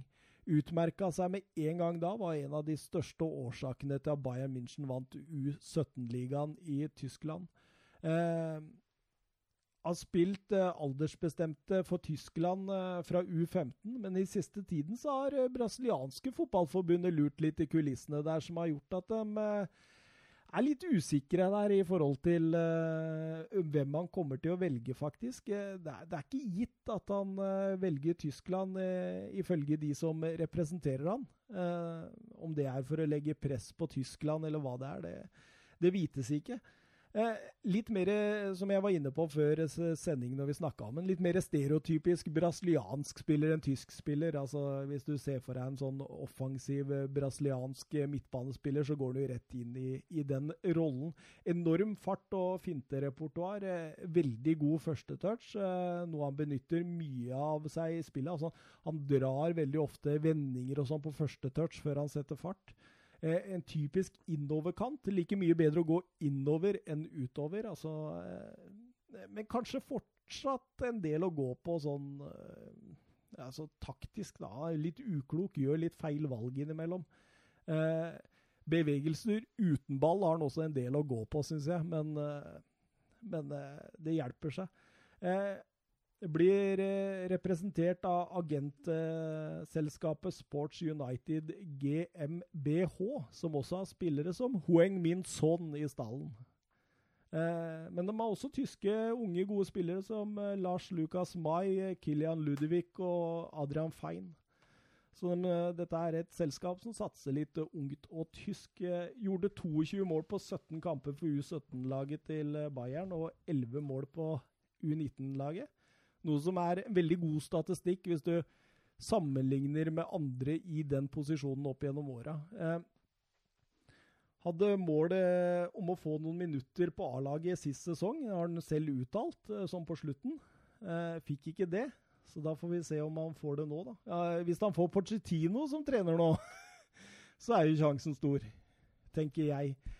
Så får vi se, da. Om han slår eh, like godt eh, fra seg som eh, navnebroren Dave Batista, som ble firedobbelt tungvektmester i boksing på tidlig 2000-tallet. Eh, rett og slett en kul fyr. En skikkelig morsom spiller. Atletisk, artig å se på. Av høsta store ord av han der av Salihamidzis, er det det han heter? Hassan Salihamidzic, ja. Ja, veldig på og skryter mye av han i media. Eh, sier at det, det, er- så store egenskaper på denne spilleren at det, det må blomstre ut en gang. Så det blir veldig spennende å se. Ja. Føler jeg eh, traff spikeren der, altså. Jeg tror eh, dette her blir veldig bra. Eh, så får vi jo et Hvis vi går over til Twitter-spørsmål, da. Men, men to av de spillerne våre vet du, som vi har der nå, de mm. debuterte på landslaget i uka.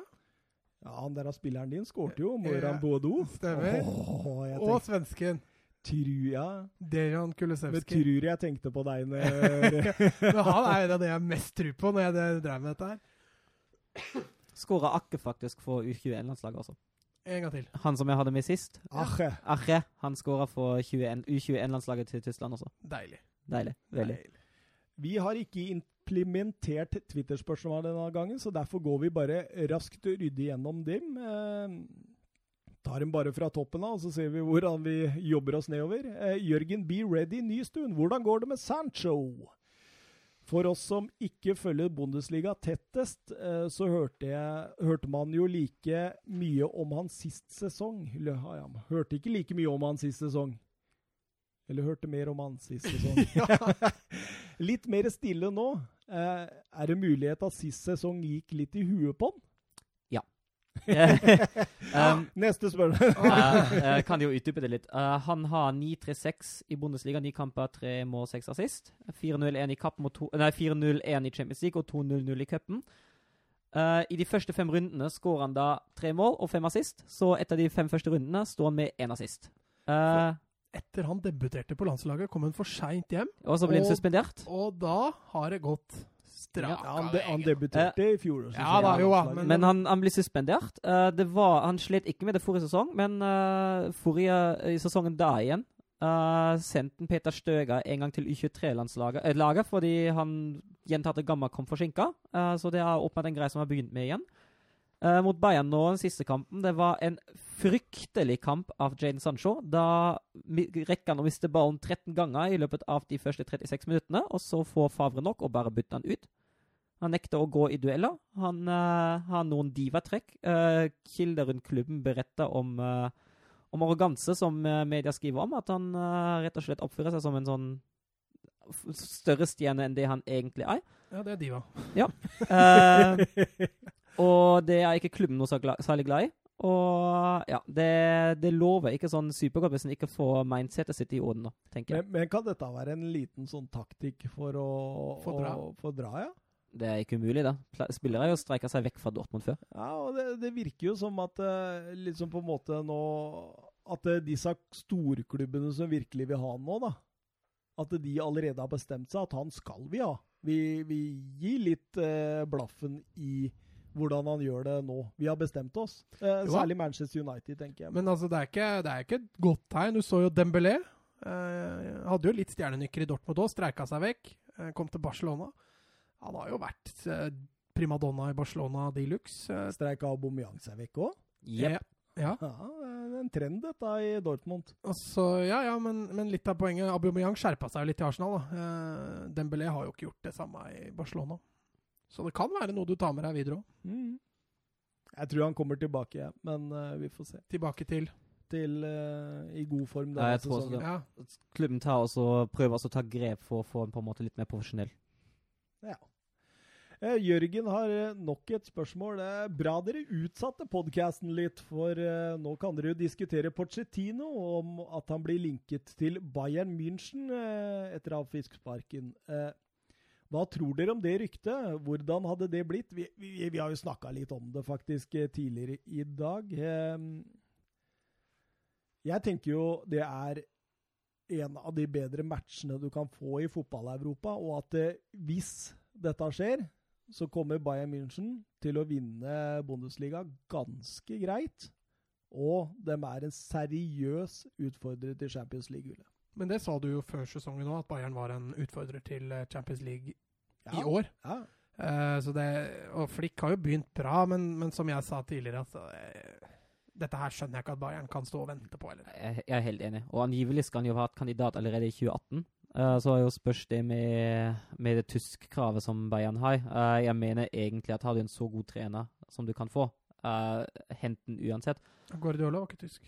Nei, men han kunne tysk. Han lærte seg tysk uh, oh, ja, i det sånn, friåret han hadde. ja. Ja. Kanskje det er det han skal bruke denne tida til hans i Flick for?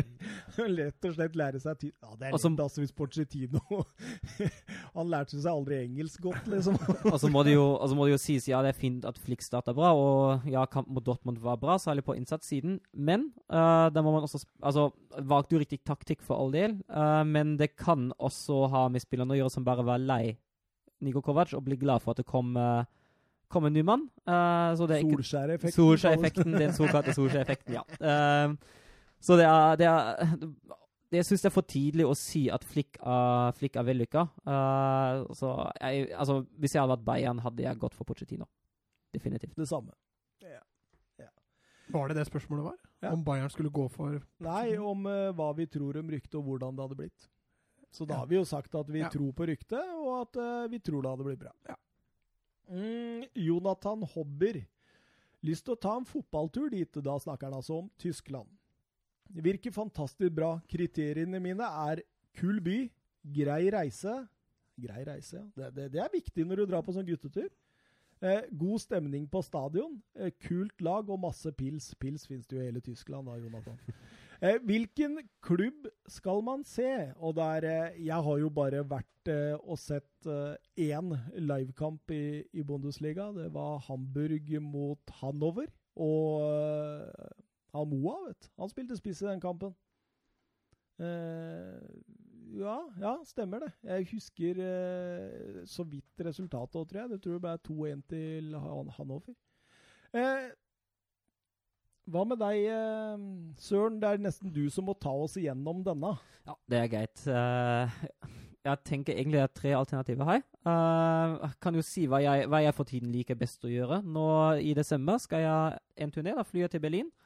Så tar jeg toget til Wolfsburg for å se Europaligakamp mellom Wolfsburg og St. Etienne. Så drar jeg tilbake til Berlin. På fredag er det en kamp på fjerde nivå mellom Victoria Berlin og Kjemi Leipzig. Dette ble mye pyro og pivo her. På lørdag blir det Hertha BSC mot Freiburg, og på søndag blir det da nok en tur til Wolfsburg. Uh, Wolfsburg mot München-Glattberg, før man igjen tar flyet fra Berlin på mandag. Uh, grei langhelg.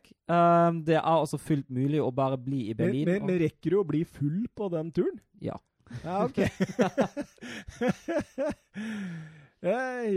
uh, altså Berlin er egentlig et fint utgangspunkt. Man trenger ikke bare reise vestover. Jeg reiser jo mye til Wolfsburg fordi det, det er laget mitt, men det finnes en del andre klubber rundt omkring, særlig i Øst-Tyskland. Hvis man ikke har noe imot å kanskje se litt, litt lavere nivåer også, men stemningen pleier å være bra der òg. Jeg tror ikke så mange av lytterne våre er veldig interessert i pyro pivo-lag. Nei, det skjønner jeg. Det er greit nok. så, så, um, ta for deg toppfotballen først og fremst. Men, um, det, men, det, er gøy å se nedover òg, for all del.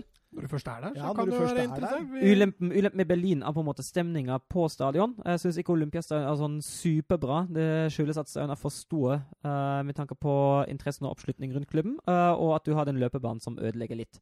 Eh, så hvis man får billetter til Union Berlin, som uh, nå er bortimot umulig, da hadde jeg sagt slå til Union Berlin. Fantastisk alterfesterei. Det er det tre av fire tribuner av ståplasser, og de synger og hoier i 90 minutter. Det er, det er nydelig stemning da. Jeg var så heldig og fikk oppleve dem før de rykka opp, og uh, det er helt fantastisk. Det er konge. Men åssen kan du få deg billetter dit, da? Har du noen tips? Uh, svartebørs eventuelt. Eventuelt se om uh, bortelaget ikke har solgt ut kontingenten sin. Uh, det, er, det, det, det, er det eneste jeg kan, jeg kan komme på. Uh, ja, altså det selges, Tyskland er jo ikke svartebørs sånn superulovlig. Det, det, det er bare litt ulovlig. Men hvis du har vært i Berlin et par ganger og sett litt fotball rundt omkring, da har du noen andre ideer? Ja, Hamburg er jo en bra, jo en bra by å se fotball. Det hadde jo både, både Hamburg SV, som har bra stemning på stadion, og FC St. Pauli, som også er, kan være litt vrien å få billetter. Da, det er litt pyro og pivo, det òg, altså. Ja, det er jo, det er jo gøy. altså, det, er, det er et gøy fotballag. Og så ser man Mats Møller Dali og Leo Østigård fra Narthold i St. Pauli. Uh, synes det er, det er bra stemning på stadion. Det er god kvalitet i andre Bundesliga, særlig hvis man er vant til, til Eliteserien. Da er det ikke noe å utsette med ved Bundesliga i det hele tatt. Uh, og da, da sjøl var i Altså, Hamburg SV har ikke noe problem å få billetter til, ut ifra det jeg vet, hvis man planlegger litt godt og litt på forhånd. Nei, det, det, var, det husker jeg var superenkelt, faktisk. Det var ja. bare å skrive mail til klubben, så ordna de nesten alt der. Altså. Ja. Og St. Pa Pauli kan være litt vanskeligere, men da gikk jeg for den løsningen da jeg var der sist, at, uh, at jeg kjøpte, uh, kjøpte, plass hos bortesupporterne, som da var Heidenheim, som uh, hadde god Eller de solgte ut gjestetribunen til slutt, da, men da jeg var litt tidlig ute, da var det greit nok. Ja. Um, tredje alternativ, hvis man virkelig har lyst på en, uh, på en hel helg med Bundesliga og se så mye høyt oppe som mulig, uh, tenker jeg at en reise ned til Vest-Tyskland uh, Type Düsseldorf, uh, for eksempel, kan være greit. Ha en base der, og bare ta, ta, tog i de omliggende byene. Der har du jo du har Schalke, Dortmund, Leverkusen, Köln, München-Glattbach. I Tror jeg har valgt den, jeg. I ganske god nærhet. Litt, man må jo ha litt flaks med tanke på hvilken kamp som spilles nå, og når de forskjellige lagene har hjemmekamp. Men det finnes også en god del klubber fra, fra andre bondesliga rundt omkring, til og med tredje liga. Så det er også en mulighet. Og togbilletter i Tyskland de koster ikke sånn supermye. Men, eh, men det jeg alltid har vært litt drøm, det er, det er Dortmund. Å dra og se den gule veggen og, og høre den stemninga. For det, det, er klart, nå har jeg vokst opp mye med Dortmund på Champions League, da. Ja. Eh, sånn at jeg har ikke fått sett så mye. men når man har blitt litt mer inn i tysk fotball, så har jeg klart Union Berlin og Dortmund, som alltid har vært en liten drøm. Det er vel kanskje mine to uh, største ønsker også å se. Mitt uh, største ønske er faktisk Nå er jeg veldig kommersiell, så jeg, jeg ville vært på Allianz Arena og sett Bayern München. Og så ville jeg dratt uh, Altså, jeg, jeg, må få oppleve Eintracht Frankfurt hjemme, føler jeg. Ja, jeg, har, jeg har sett alle tre alle tre stadionene på kamp. Uh, Eintracht Frankfurt er kjempegøy. Uh, fantastisk stadion, fin by. Uh, Bayern München er bra stadion, fin by da òg. Da sliter vi litt på stemningssiden, syns jeg. Uh, ja, men du, du, du, kan dra ned dit i oktober, og så tar ja, du ja. Oktoberfestivalen og en Bayern München. Tenk, det har vært kult, da. Det går an. Og Dortmund, Dortmund var, jeg, var jeg litt uheldig, for da opplevde jeg dem i den siste virkelig dårlige perioden de hadde på sikt. Da var jeg da i 2008 med Wolfsburg. Vant 4-2 til slutt. Dortmund endte sesongen på 13.-plass eller noe sånt, og da var det var stemningen nok ikke sånn superallverdens, det, det må sies. Men jeg hadde jo gøy for det, fordi laget mitt vant og kom seg til Europa League. Og, ja. Men altså, absolutt en imponerende stadion. Jeg kan også anbefale Schalke. Der pleier også å være ganske god stemning, altså. Mm. Det er nydelig. Jeg husker som sagt når vi var i Hamburg. Det var utrolig kult. Det var en kul by. Jeg, jeg feira vel bursdagen min der sammen med en god del venner. Ah, det, det, var fantastisk uteliv. Eh, nydelig stadion. Masse liv på stadion også. Eh, det, vi, vi, kom dessverre til en såkalt vennskapskamp, fant vi ut. da, for Det var, altså, altså, det var en Bundesligakamp, men det, det, var en kamp mellom to vennskapsklubber. Så, så, det var ikke den kjempestore på en måte fiendskapet før i det 70-80. minutt. Da smalt det så det sang på den ene tribunen mellom to supportergrupper. Og jeg husker jo, eh, vi sto der med en tysker, og jeg spurte liksom uh, Husker jeg sa Hva er det han sa nå, liksom? For det var en som sa et eller annet før han hoppa inn i slåsskampen. Og han, han, sa bare til meg at han sa vel egentlig det at uh, hvem trenger uh, fiender når vi har venner som dette? Og så hoppa han inn og, og, og bidro. Men uh, det er nydelig å, å ta med deg ølen. Altså, jeg, jeg vant til Premier League når du må stå i disse spillertunnelene og drikke øl. Men uh, her kunne man liksom bare Nei, altså, altså gangene, da. Altså. Ja. Du sto ikke i spillertunnelen og drakk øl? Men uh, i Tyskland, ja. der kan du faktisk ta med deg ølen ut. Eneste, eneste ulempen nå er på de fleste tyske stadioner sånn at hvis du ikke står med bortesupporteren der, da må du kjøpe deg et sånt kort som du må lade opp og så bruke til øl. Men det kan lett unngås ved å bare ta kontakt med en eller annen som står i ølkøen, gi en fem eurolapp eller noe sånt, spørre om kan være så snill å kjøpe en øl til deg òg. Det er ikke noe problem som regel. I hvert fall ikke når du kan tysk. Nå vet jeg ikke hvordan det er hvis, hvis man ikke kan tysk, da, men uh, ja. Men du veit Mats, han måtte uh, hatt sånn der han, han, kunne ikke hatt ølkort, han måtte hatt Smirnov-kopp. Smirnov er digg. Nei, men uh, vi, vi, vi, har jo snakka om det å ta en uh, tur med Rune nedover. Det, det, må vi få til. Ja, det har vært kjempegøy. Det, det, må vi, altså. Men vi har jo vært i, på, i kamp i Polen. Ja, ja, ja. Det også var show, ass. Ja, det var pyro og masse. Men det var jo sånn altså, skikkelig hatkamp. Det var jo hatmatch, eh, men uh, ræva fotball. Ja. Men fantastisk tribuneliv. Vi sto vel egentlig der og sa til hverandre at dette er ikke mye bedre enn uh, Eliteserien. Nei, men uh, tribunelivet var et par knepp opp. Et par knep. Et par og, og, og, eh, politioppbudet. ja, så stå der i gata og se de bussene kjøre inn der med full politieskorte, det var, det var rimelig spesielt. altså. Ja, det var eh, du, Men var det, vi, var det, var Wisla Krakow mot Åh, hvem var det? Var det Lech Post? Nei, det var ikke Lech. Nei, det var Var det Legia? Legia, Legia Warszawa, var det. Stemmer. Ja. Ja, det var hat, det. Det så du på politioppbudet. Du, du kom inn der, liksom. Du så bare Det, det var lina opp politibil etter politibil, og folk med hjelmer og skjold og pistoler og vester og hester og tog og vogner og panservogner og stridsøkser og det, der, det der var det, de, de, var klar for krig, de. Ja, de var forberedt, altså. og der kommer fire likbleike nordmenn og skal se fotballkamp. og jeg som uh, toucha over uh, i parken der med mine hvite, nye sko. De var svarte når jeg kom på stadion. Men uh, det var artig. Det var artig. Eh, videre, Adrian uh, spør Marco Gruic uh, har vært på utlån fra Liverpool til Hertha Berlin. Men hvordan går det egentlig, søren? han fikk store lovår fra klubben første sesong. Har blitt litt stille etterpå. Ja, og det med god grunn, for det går ikke sånn superbra nå.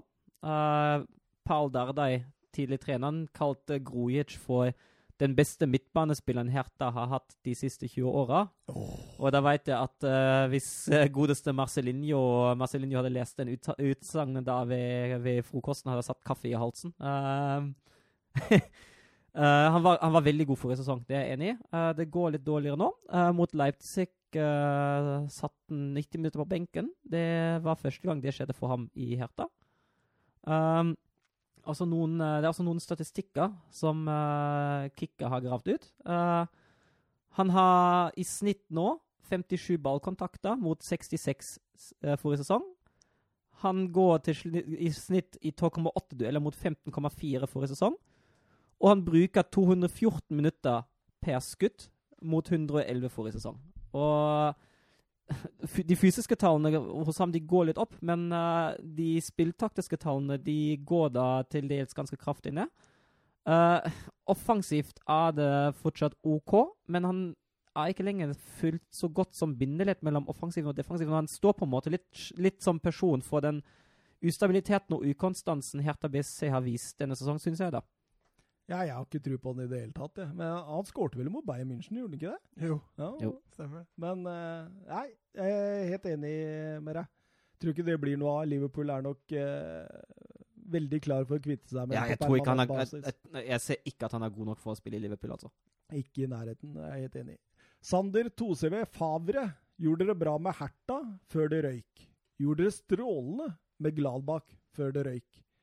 Gjorde det bra sist sesong for Dortmund. Ryker det nå, eller? Ja. Ja. Um, Han har bare kontrakt ut sesongen, ja, og, jeg tror og, og det ryktes også i tysk media at den eneste grunnen at den fortsatt sitter, eller en av de gode grunnene at den fortsatt sitter, det er at uh, trenermarkedet det er litt sånn uh, ja, så som så. Så jeg finner på en måte ikke noen alternativer heller. Så har han jo hatt noen gode kamper. Uh, særlig Inter Milan-kampen i Champions League. Det har vært uh, strålende andre omgang. Uh, men da er vi jo igjen på det som vi har vært inne på før. Uh, sliter med inkonstans både fra kamp til kamp og underveis i kampene, som kanskje er enda verre. Uh, så jeg, jeg han, altså, han jo Dortmund har jo har jo ønsket å virkelig angripe Bayern den sesongen. Har sagt, faktisk satt før sesongen at vi skal vinne gull i år. Vi går for gull. Og de var jo egentlig kåra også til eh, på en måte Overgangsvinner. Ja, ja, i Europa, egentlig, på mange måter. Ja. Og så har jo Favre stått og har vært meget ukomfortabel med den rollen fra dag én. Han, eh, han ønsker ikke å bli pressa inn i en favorittrolle. Uh, det er nok noe som også sørger for at uh, populariteten ikke går sånn super opp. Altså, i, i Dortmund måles jo trenere gjerne opp mot Jørgen Klopp, som var jo virkelig suksessrik og virkelig godt likt. Uh, akkurat nå er Favre ingen av delene. Altså, ja. Så er det jo altså klart at han, han liker jo veldig godt å ha, å ha kontroll på spillet. Han liker veldig godt den sikkerheten defensivt, og han liker veldig godt å være tålmodig. Uh, og det finnes faser der dette ser virkelig fryktelig kjedelig ut, og ja, skaper på en måte ingenting å bli Vi var litt innom det tidligere òg. Altså, altså Dortmund, hvem, hvem trenere på markedet er det som nå kan gå inn og spille Dortmund-fotball, Mm. uh, og som er ledig? Mm. Det var jo ikke så veldig mange vi ble enige om at var der ute, som kan erstatte han midt i en sesong. Eh, Nei, det er de, akkurat det. de må nok vente til sesongen er ferdig, og så vet jeg ikke med Marco Rossi. Oh. Jeg ønsker å si én ting om uh, Favre i München-Glattberg, for det er virkelig mesterverket hans. Uh, I, i München-Gla- i München-Glattberg han uh, berget laget i 2011 fra nesten umulig uh, posisjon, og berget dem gjennom kvaliken. Holdt, holdt, uh, holdt seg i Bundesliga. De andre plasseringene i München-Glattberg uh, de fulle sesongene var fjerde, åttende, sjette og tredjeplass, før han ga seg uh, etter noen kamper i 15-16-sesong, for da hadde han tapt absolutt alt i Bundesliga. Før Favre var det siste gang dette laget var på topp fem, i 1995-96-sesongen. Da havnet de på fjerdeplass. Så Favre har virkelig etablert Mönchenglattberg som topplag, og er litt Porchettino over det, altså. ja, jeg syns det. Og jeg syns egentlig Mönchenglapp altså, Selvfølgelig også i samspill med Max Ebel, som virkelig gjør en, uh, gjør en fantastisk jobb som sportsdirektør, men jeg syns egentlig at Mönchenglattberg fortsatt indirekte profitterer fra den Favre-tiden. For det er, det er virkelig da de har for alvor vært, uh, vært tilbake som en aktør i tysk, i hvert fall topp seks. Mm. Mm. Så når eh, Vebjørn Fredheim spør eh, er eh, Marco Rose den nye store treneren i Europa, så er svaret nei, fordi det er Favre sin. Nei, absolutt Nei, nei, nei, nei. nei. absolutt ikke, nei. Uh, nei. Det er ikke det jeg sier, men uh... Vi kan jo ta jungelen av uh, spørsmål vi fikk av Vebjørn Fredheim. Seks i tallet. Hvem tar over for Jogi Løv? Vi må være litt raske, tenker jeg. Jeg håper Klopp. Uh, jeg frykter at uh, Stefan Kunz, uh, U21-landslagstrener, har, har en navn i, eh, i potten. Eh, Skal vi skremme Liverpool-fansen og si Klopp, eller? Oliver Bierhoff vil gjerne beholde den i forbundet. Eh, jeg syns han er en taktisk middelmådig trener som er best som motivator, og hadde heller ønsket meg Jørgen Klopp enn Stefan Kunz. Marco Rose, ja, vi sier han er en av de nye store trenere i Europa. Ja, fantastisk. Ja, I hvert fall på veldig god vei. Ja, Ja. Det, det er jeg helt enig i. Eh, hvor går ferden videre når Nagelsmann er ferdig med prosjektet RB Leipzig?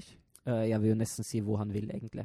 Eh, Men tror du han kan gå ut av Bundesliga? Hvor mange Ja. år har han nå signert for Leipzig? Du, du, det husker ikke. Det, tror det var, jeg tror faktisk det var tre eller fire. For jeg har jo sett at Leipzig de tviholder på spillere og ledere de har tro på. Det er ikke lett å kjøpe de ut av kontrakta. Altså. Nei, og Leipzig har jo en, har en god pakke. Er jo et lag du kan vinne, vinne ting med. Det er jo en konstant utvikling, egentlig. Mm. Uh, betaler sikkert ganske godt også, så ja, Men altså, jeg tror Nagelsmann er såpass, uh, såpass dreven av suksess at han, at den, har litt lyst å prøve nye ting etter en stund. Litt sånn, litt sånn Guardiola-aktig. Eh, så det kan godt tenkes at den går ut av, ut av Bundesliga. Kan også tenkes at ferden kanskje fører til Bayern om tre år. Altså, hvem veit, men en, Altså- tre, en trener som Nagelsmann, jeg tror han har hvis, hvis Leipzig ikke blir en major setback, tror jeg at Nagelsmann har alle muligheter å gå til akkurat dit han ønsker, nesten. Ja, for i Tyskland så er det vel egentlig bare Dortmund og Bayern han kan ta neste steget til. Ja. Hvis ikke så må han jo ut av Tyskland. Ja, og det kan godt tenkes at han gjør. Og da blir det jo enten Barca, Real Madrid eller Premier League. Ja. Absolutt. Eller Juventus. Eller Juventus. Eller PS eller PSG. Eh, Ta en tussel. Hva har skjedd med Dominic Tadesco? Tedesco han eh, signerte i midten av oktober kontrakt, eh, toårskontrakt i Spartak Moskva. Han har gått uh, som passe OK. Uh, to seire, et uavgjort, et tap i serien. En seier i cupen, ligger på syvendeplass nå. Uh, han har uttrykt i et intervju at han er veldig fornøyd med valget. Han har tatt over det som han betegner som uh, russisk Bayern, og han angrer ikke i det hele tatt, uh, fordi han sier han også kunne ha jobbet i Bundesliga, men hadde lyst til å gjøre dette han òg. Så han har sagt nei til Bundesliga-klubber, altså. Ja, han, han sa han hadde fått noen tilbud eh, etter at han var ferdig i Schalke. uh, og så har han sagt nei, han har venta på en måte på det rette. Og han føler at det rette er Spartak Moskva akkurat nå. da har du falt litt i rang. Når Spartak Moskva er det rette. Men ja, det gikk jo fryktelig ille den siste delen av Schalke-tida. Eh, han eh, spør videre, han eh, godeste Fredheim. Permanent eller flikk ut sesongen i Bayern München? Og da har vi jo, e- vi har jo egentlig Ja, svart ja, vi har vært gjennom det. Ja, vi har det. Eh, videre, eh, håp om at Ragnhild vil gjøre et trener-comeback? Håp av det, eh, men det som man må huske på med Ragnhild, er at da han var Schalke-trener, eh, fikk han burnout i september 2011 eh, og ble ganske syk. Og jeg tror han har, han har en af, af, den erfaringen som har prega ham. Så jeg tror han, eh, han prøver å begrense uh, stressmengden. Og han har jo hoppa inn litt som trener i Leipzig. Uh, men jeg, jeg tror kanskje at han, at han ser seg sjøl litt mer som en sånn sportsdirektor og ledende type nå. Han har jo blitt, uh, blitt 60 år også. Så det kan tenkes at den, at den er ferdig som trener, men den skal jo aldri si aldri. Det hadde vært gøy å se Ragnhild på trenerbenken igjen, men uh, det er klart at hvis en føler seg, føler seg litt, uh, litt kjørt som trener, da er det jo best at en holder seg i det funksjonelle. Ja. Det hadde jo vært veldig gøy med Ragnhild tilbake igjen. Det Ja, er det det vel ingen som er uenig i. Uh, så er spørsmålet hvor reelt det egentlig er. Absolutt. Eh, Petter S. Den har vi tatt. Status på norske spillere i ligaen. Det er vel bare de fire, er det ikke det? Det er de fire. Ja, Og Det har vi nevnt. Så da går vi over til det spørsmålet som eh, Søren tror jeg har gleda seg mest til, og som Rune grua seg mest til, tror jeg. Men eh, han er ikke her å forsvare seg, så da kan vi fyre løs. Didrik Tofte Nilsen spør eh, får egentlig Bayern München nok kritikk for akademi- og talentarbeidet sitt, så gjennom stallen deres her om dagen. Den eneste som kommer fra egne rekker, er Thomas Müller. OK, de kan kjøpe ungt og utvikle, men det er ikke det samme. Nei, det er jo ikke det. Jeg er helt enig i det som skrives her. Jeg syns det er et veldig bra spørsmål. Jeg synes det, er, det, det treffer egentlig spikeren på hodet. Hvis vi ser på stallen nå, det er Mulla. Så kom Alaba til G19-laget, men jeg syns ikke han teller. Når var det Eh, Alfonso Davies kom? da? Han kom som 18-åring fra Han er jo kjøpt ung Ja. for utvikle samme, samme, som, samme, samme som Alaba, tenker jeg. Så har du jo de to, de, de tre unge proffspillerne som egentlig spiller for, eh, for andre laget i tredje liga. Det er Lars Lukas May, en midtstopper som jeg personlig har, har tro på. Uh, jeg tror han kan bli bra. Og så har du de to reservekeeperne Christian Fryktel og Ron Torben Hoffmann. Fryktel kom, som, eh, kom i G15, og Tom, Ron Torben Hoffmann kom i G17. Men i store hele er det, er det dårlig. Eh, en spiller i Bundesliga som virkelig er stjerne for tida, som har vært gjennom Bayern-akademi, og det er Mats Hummels. Men eh, også han måtte jo bort fra Bayern til Dortmund for å bli stor. Og så så jeg litt, eh, litt på det. Altså Det er jo noen, noen, noen spillere i Bundesliga som har vært innom Bayern Akademi, men unntatt Hummels og Müller er det Schweinsteiger og Lahm som virkelig ble store. Og jeg, jeg er enig. altså Det er, det, er dårlig med, med ungdomsarbeidet i Bayern. Uh, hvis jeg husker det rett, har klubben også, også sett det, og har for ett eller to år siden tatt grep om å modernisere, modernisere både anlegget og strukturene rundt. Men det tar jo så klart litt tid før det kan høstes inn talenter. Men uh, det jeg tenker litt på nå, det er det at eh, ja, Først og fremst skal jeg jo si det at uh, min uh, ukens talent Han kommer til å komme opp gjennom Bayern-systemet. Tro meg, Mats. Tro meg. Jeg tviler ikke på deg. Ja, Du så så tvilende ut. Ja, jeg er litt molefonken. Jeg har litt vondt i ryggen. Bare. Litt vondt i ryggen, ja. Ja, ja. Nei, men sånn kan det, Det gå. går ikke på talentet ditt i det hele tatt. Hva, hva, hva tror vi om, eh, om Haaland? Tror vi det blir en RB Leipzig-overgang på han i løpet av eh, 2020?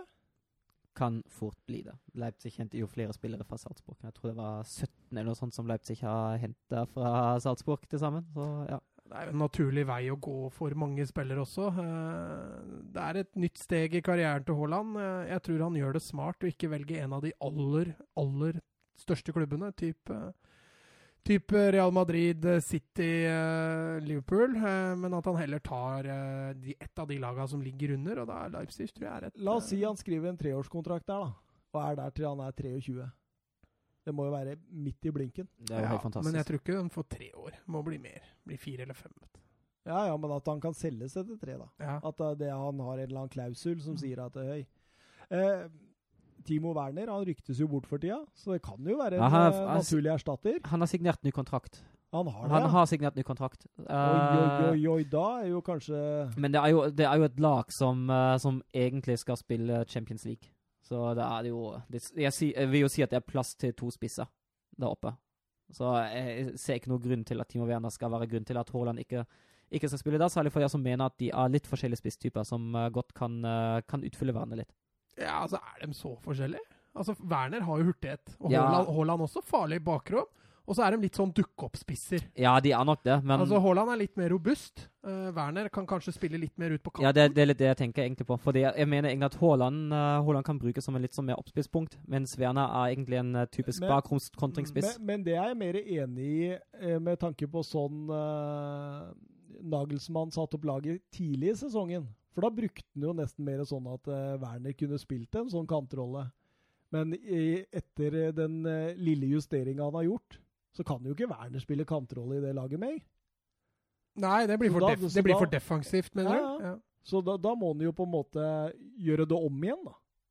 Det må jo Det er jo Det er jo spørsmål Det er jo også spørsmål laget har utvikla seg om et år, da. Jeg ble plutselig litt kritisk ja, når jeg hørte at Werner hadde skrevet ny kontrakt. Jeg gikk inn med det med god eh,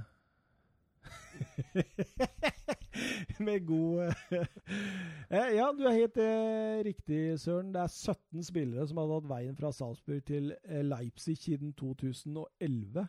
Fem av de mest brukte spillere, eller fem av de elleve mest brukte spillere i Leipzig-elveren denne sesongen, kommer fra Salzburg. Eh, og eh, det, det, jeg ser jo på den lista her, de har jo kjøpt eh, Salzburg-spillere hvert eneste år, faktisk. Sist nå Hannes Wolff, som du kan jo ikke si har slått igjennom. Ja, du, han, eh, han skada seg i oppkjøringa. Så Ja, stemmer. ja, han, han er ute med en stykk skade. Jeg tror han brakk ankelen eller et eller annet. var det. Det ganske kjipt. Haidara, Konrad Laimer, Nabi Keita, som vi kjenner fra Liverpool-tida. Upamecano, Bernardo, som er i, i Brighton nå. Eh, Ilsaker, Salbitzer, Gulashi det, det kan jeg nevne i fleng her. Så det, det er jo et samarbeid vi veit det er der, da, mellom Gressplensport og, og eh, Red Bull. Det mest kritiske med det er kanskje at de, de kjøper ut uh, spillere fra den østerrikske ligaen som har utkjøpsklausul på internasjonale lag, men ikke på østerrikske lag, og så bare låner de det videre til Salzburg for å så unngå å måtte forhandle uh, overgangssummer med de klubbene. Uh, det syns jeg var kanskje litt skittent gjort. Eh, til eh, slutt, Søren, en liten quiz til deg. gøy. Ja, fordi du er, du er jo tysk. Du må jo kunne eh, det tyske landslaget. Et tysk landslag jeg alltid har vært veldig glad i, egentlig. Derfor eh, tok jeg bare ut noen enkle landslagsstatistikker på spillere, da.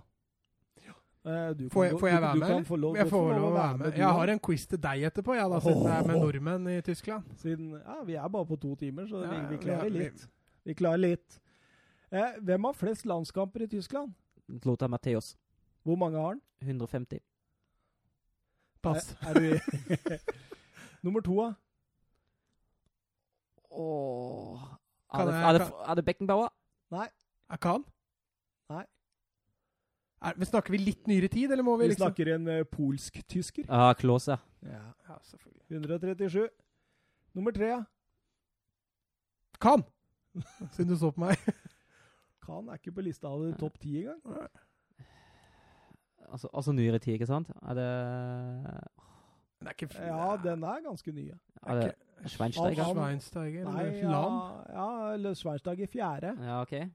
Uh, Podolski? Ja da, ja da. Nok en uh, polsk-tysker der, altså. Nummer fem, da? Hva- Sa du ikke Lam, da? Nei, det var noe Nei, bare Schweinsteiger. Det var noe, ja, Det, fire. det var nummer fire, ja. Du er på nummer fem. nå. ja. Det kan det være Lam. ja. Jeg sa jo Lam! Så er det Klinsmann, Kohler, Mertesacker, faktisk. Beckenbauer og Joachim Streich. Eh, flest landslagsmål, da. Klose. Müller. Nei, Klose. Klose. Mulla på andre. Ah, eh, 71 og 68. Nummer tre, ja. Klinsmann? Joachim Streich. Oh, ja. Så kommer Podolsky og Klinsmann. Rudi Føller, Romenige Seler, Ballack faktisk har rota seg oppi der. Og Thomas Müller. ja. Topp ti der, altså. Eh, ville du quize meg, Sari? ja, jeg tenkte jeg bare jeg, I, I Bundesliga? Ja, hvis, ja, hvis jeg får være med om. Ja, ja, du kan få være med. Jeg har, jeg har bladd opp nordmenn, jeg, da. Med Ja. flest kamper. Vi kan begynne med det. Men, men du, da må du Jeg skal bare høre, høre Thomas svare den først. Kan du ta fasiten etterpå. Den nordmannen med flest kamper i Bundesliga. Mm, Rune Bratseth. Nei. Jørn Andersen. Ja. Han blei forresten tysk statsborger i 1980 Nei. Nei, nei det var, det var, det var, var Mainz-trener, ikke sant? 93. 93! Ja, ja, Helt riktig, ja. Edvardsen. Bra.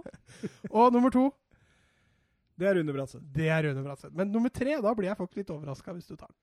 Han har 217 kamper for Nürnberg, Leverkosen og Köln. Tommy Svindal Larsen. Nei. uh, Nürnberg, Köln og Leverkosen. Anders Giske. Ja! I helsike, den tok du, den. Imponert. Det var faktisk eh, ganske bra. Så følger Nordtveit, Kai Erik Herlofsen, Arne Larsen Økland, Per Siljan Skjelbreid og Moa utgjør topp åtte. Eh, flest nordmenn, eller flest skårte mål? Jan Åge Fjordås. Nei. Nei. Herregud. Nå, nå skuffa du. Han er Moa. ikke Nei. Hei, hei, er lov? Ja. Jørn Andersen. Soleklart. Burde 67. Han Er vel den eneste, eneste nordmann som ble toppskårer i Bundesliga. Helt riktig. Han har 67 mål i Bundesliga. Og nummer to Det er, det, det er Nei, du har ikke nevnt den så langt. Han spilte for Leverkosen. Anders Giske. Nei. Han har bare spilt for Leverkosen. har bare for Leverkosen. Oi da. Søren. Ja, jeg, det er alltid han som jeg glemmer navnet på. Det jeg vet hvem han er, jeg er skikkelig Hva Og så Herlofsen? Arne Larsen Økland. Ja. ja. Moa nummer tre. Og Fjørtoft nummer fire. ja han er det. ja. Skal du tippe hvor mange mål han har i tysk Bundesliga? Fjørtoft. Ja. eh, 37. Nei, du er altfor høyt. Og 22. Nei, fortsatt for høyt. 18. 14 for Eintracht. Det er ikke mer, nei. Han var der bare en sesong, han, eller? fjerdeplassen i Nei, han har 52 kamper, så han Mm. må i hvert fall ha vært der i to sesonger. Jeg husker ikke om det ble tre år. Han har vel noen kamper i andre Bundesliga? Har ikke Fjørtoft det? Ja, det- Ja, ja Si det. Usikker. Men jeg kan jo også, kan jo også nevne da at eh, på 29.-plass så ligger Einar Jan Aas med ett mål. Han er eh, for Bayern München. Ja, Nottingham Forest-legende. Stemmer. Eh, men hvilken tysk klubb spilte Erik Thorstvedt for? Den kan du ta, Mats. Eh, kan jeg sikkert Oi, ta mange Søren sitter her òg! Ja, men det er Jo, jo, det er, det er eh, ikke Dortmund, men Mönchengladbach. Ja, helt riktig. Søren. Frode Grodås, da? Ja, det stemmer det. Han var jo en tur i uh... Oi! Ja, jo, Schalke. Schalke. Schalke. Men det, det var ikke mange kamper. Nei, han var, han var reservekeeper Men han, eh, han hadde Oliver jo litt sånn Tottenham-benk, Ja, og Jens Lehmann. Schalke-benk. Han Men sånn. eh, ja, nei, vi har jo hatt en nordmann til i Bayern München. Ja, det har vi hatt. Eh, han eh, godeste Hvem? Oh. Det blir god podkast her nå, føler jeg. ja, men vi er helt i slutten, så de kan slå av, de som ikke gidder. Nei, vi snakker selvfølgelig om eh, storspilleren Erland eh, Johnsen. Johnsen, eh, selvfølgelig. som, Selvfølgelig. fikk et par matcher i, i Ja, før han gikk til Chelsea. Ja. Fikk 21 kamper i Mm. Bayern München. ja. Det er jo noe å ta med seg, det òg. Absolutt. Det var ikke så mange. Einar Jan Aas fikk 13, og Erland Johnsen fikk 21. Mm. I'm done. Du er ferdig, ja? Jeg, jeg kan quize mer, men da blir det litt sånn årets sesong, da. Ja, Ja, ok, ta, kjør ta, på. ta litt, da. Ja, Litt. ja. Hvis vi tar sånne Altså toppscorer assist og sånn, det, det blir for lett. Ja. Eh, Så hvis vi tar, begynner med røde kort, da. Ja. Hvem har fått flest? Av spillerne eller klubba? Av spillerne. Vi kan ta klubb etterpå. Er det en som har fått to, altså? Nei, det er ikke det. Så her må du rett og slett tenke antall røde kort på færrest kort spilt minutter. Ja, da må det være han der av bekken til eh, Gladbach. Ja, nå imponerer du. Bansevar, han heter han? Ja, ja, ja. Bansebayan. Bansebaini. Ja. Som klarte å skåre og bli utvist mot. Helt riktig. Han har fått ett rødt kort på tre kamper, så han har eh, lavest eh, hva skal vi Ja. si, snitt på det. Tett etterfulgt av Boateng, som har fått ett på fem, og Jorge Mere, som har fått ett på fem, og Bailey, som har fått Ja. ett på fem. Skal vi ta gule kort òg, da? Hvem er råtassen? Søren? Det er en som i hvert fall har fått fem allerede. Ja, det er fem som er, Mm. uh, er mest. Herregud. Dennis Zakaria. Nei.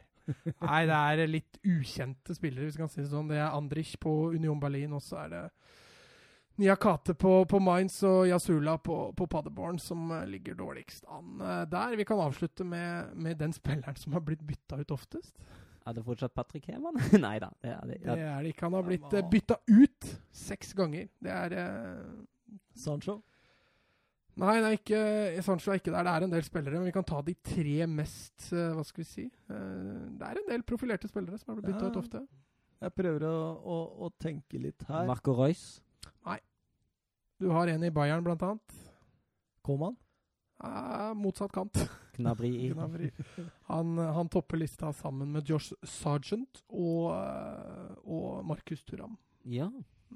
Ja, ja, ja, ja, der ser du.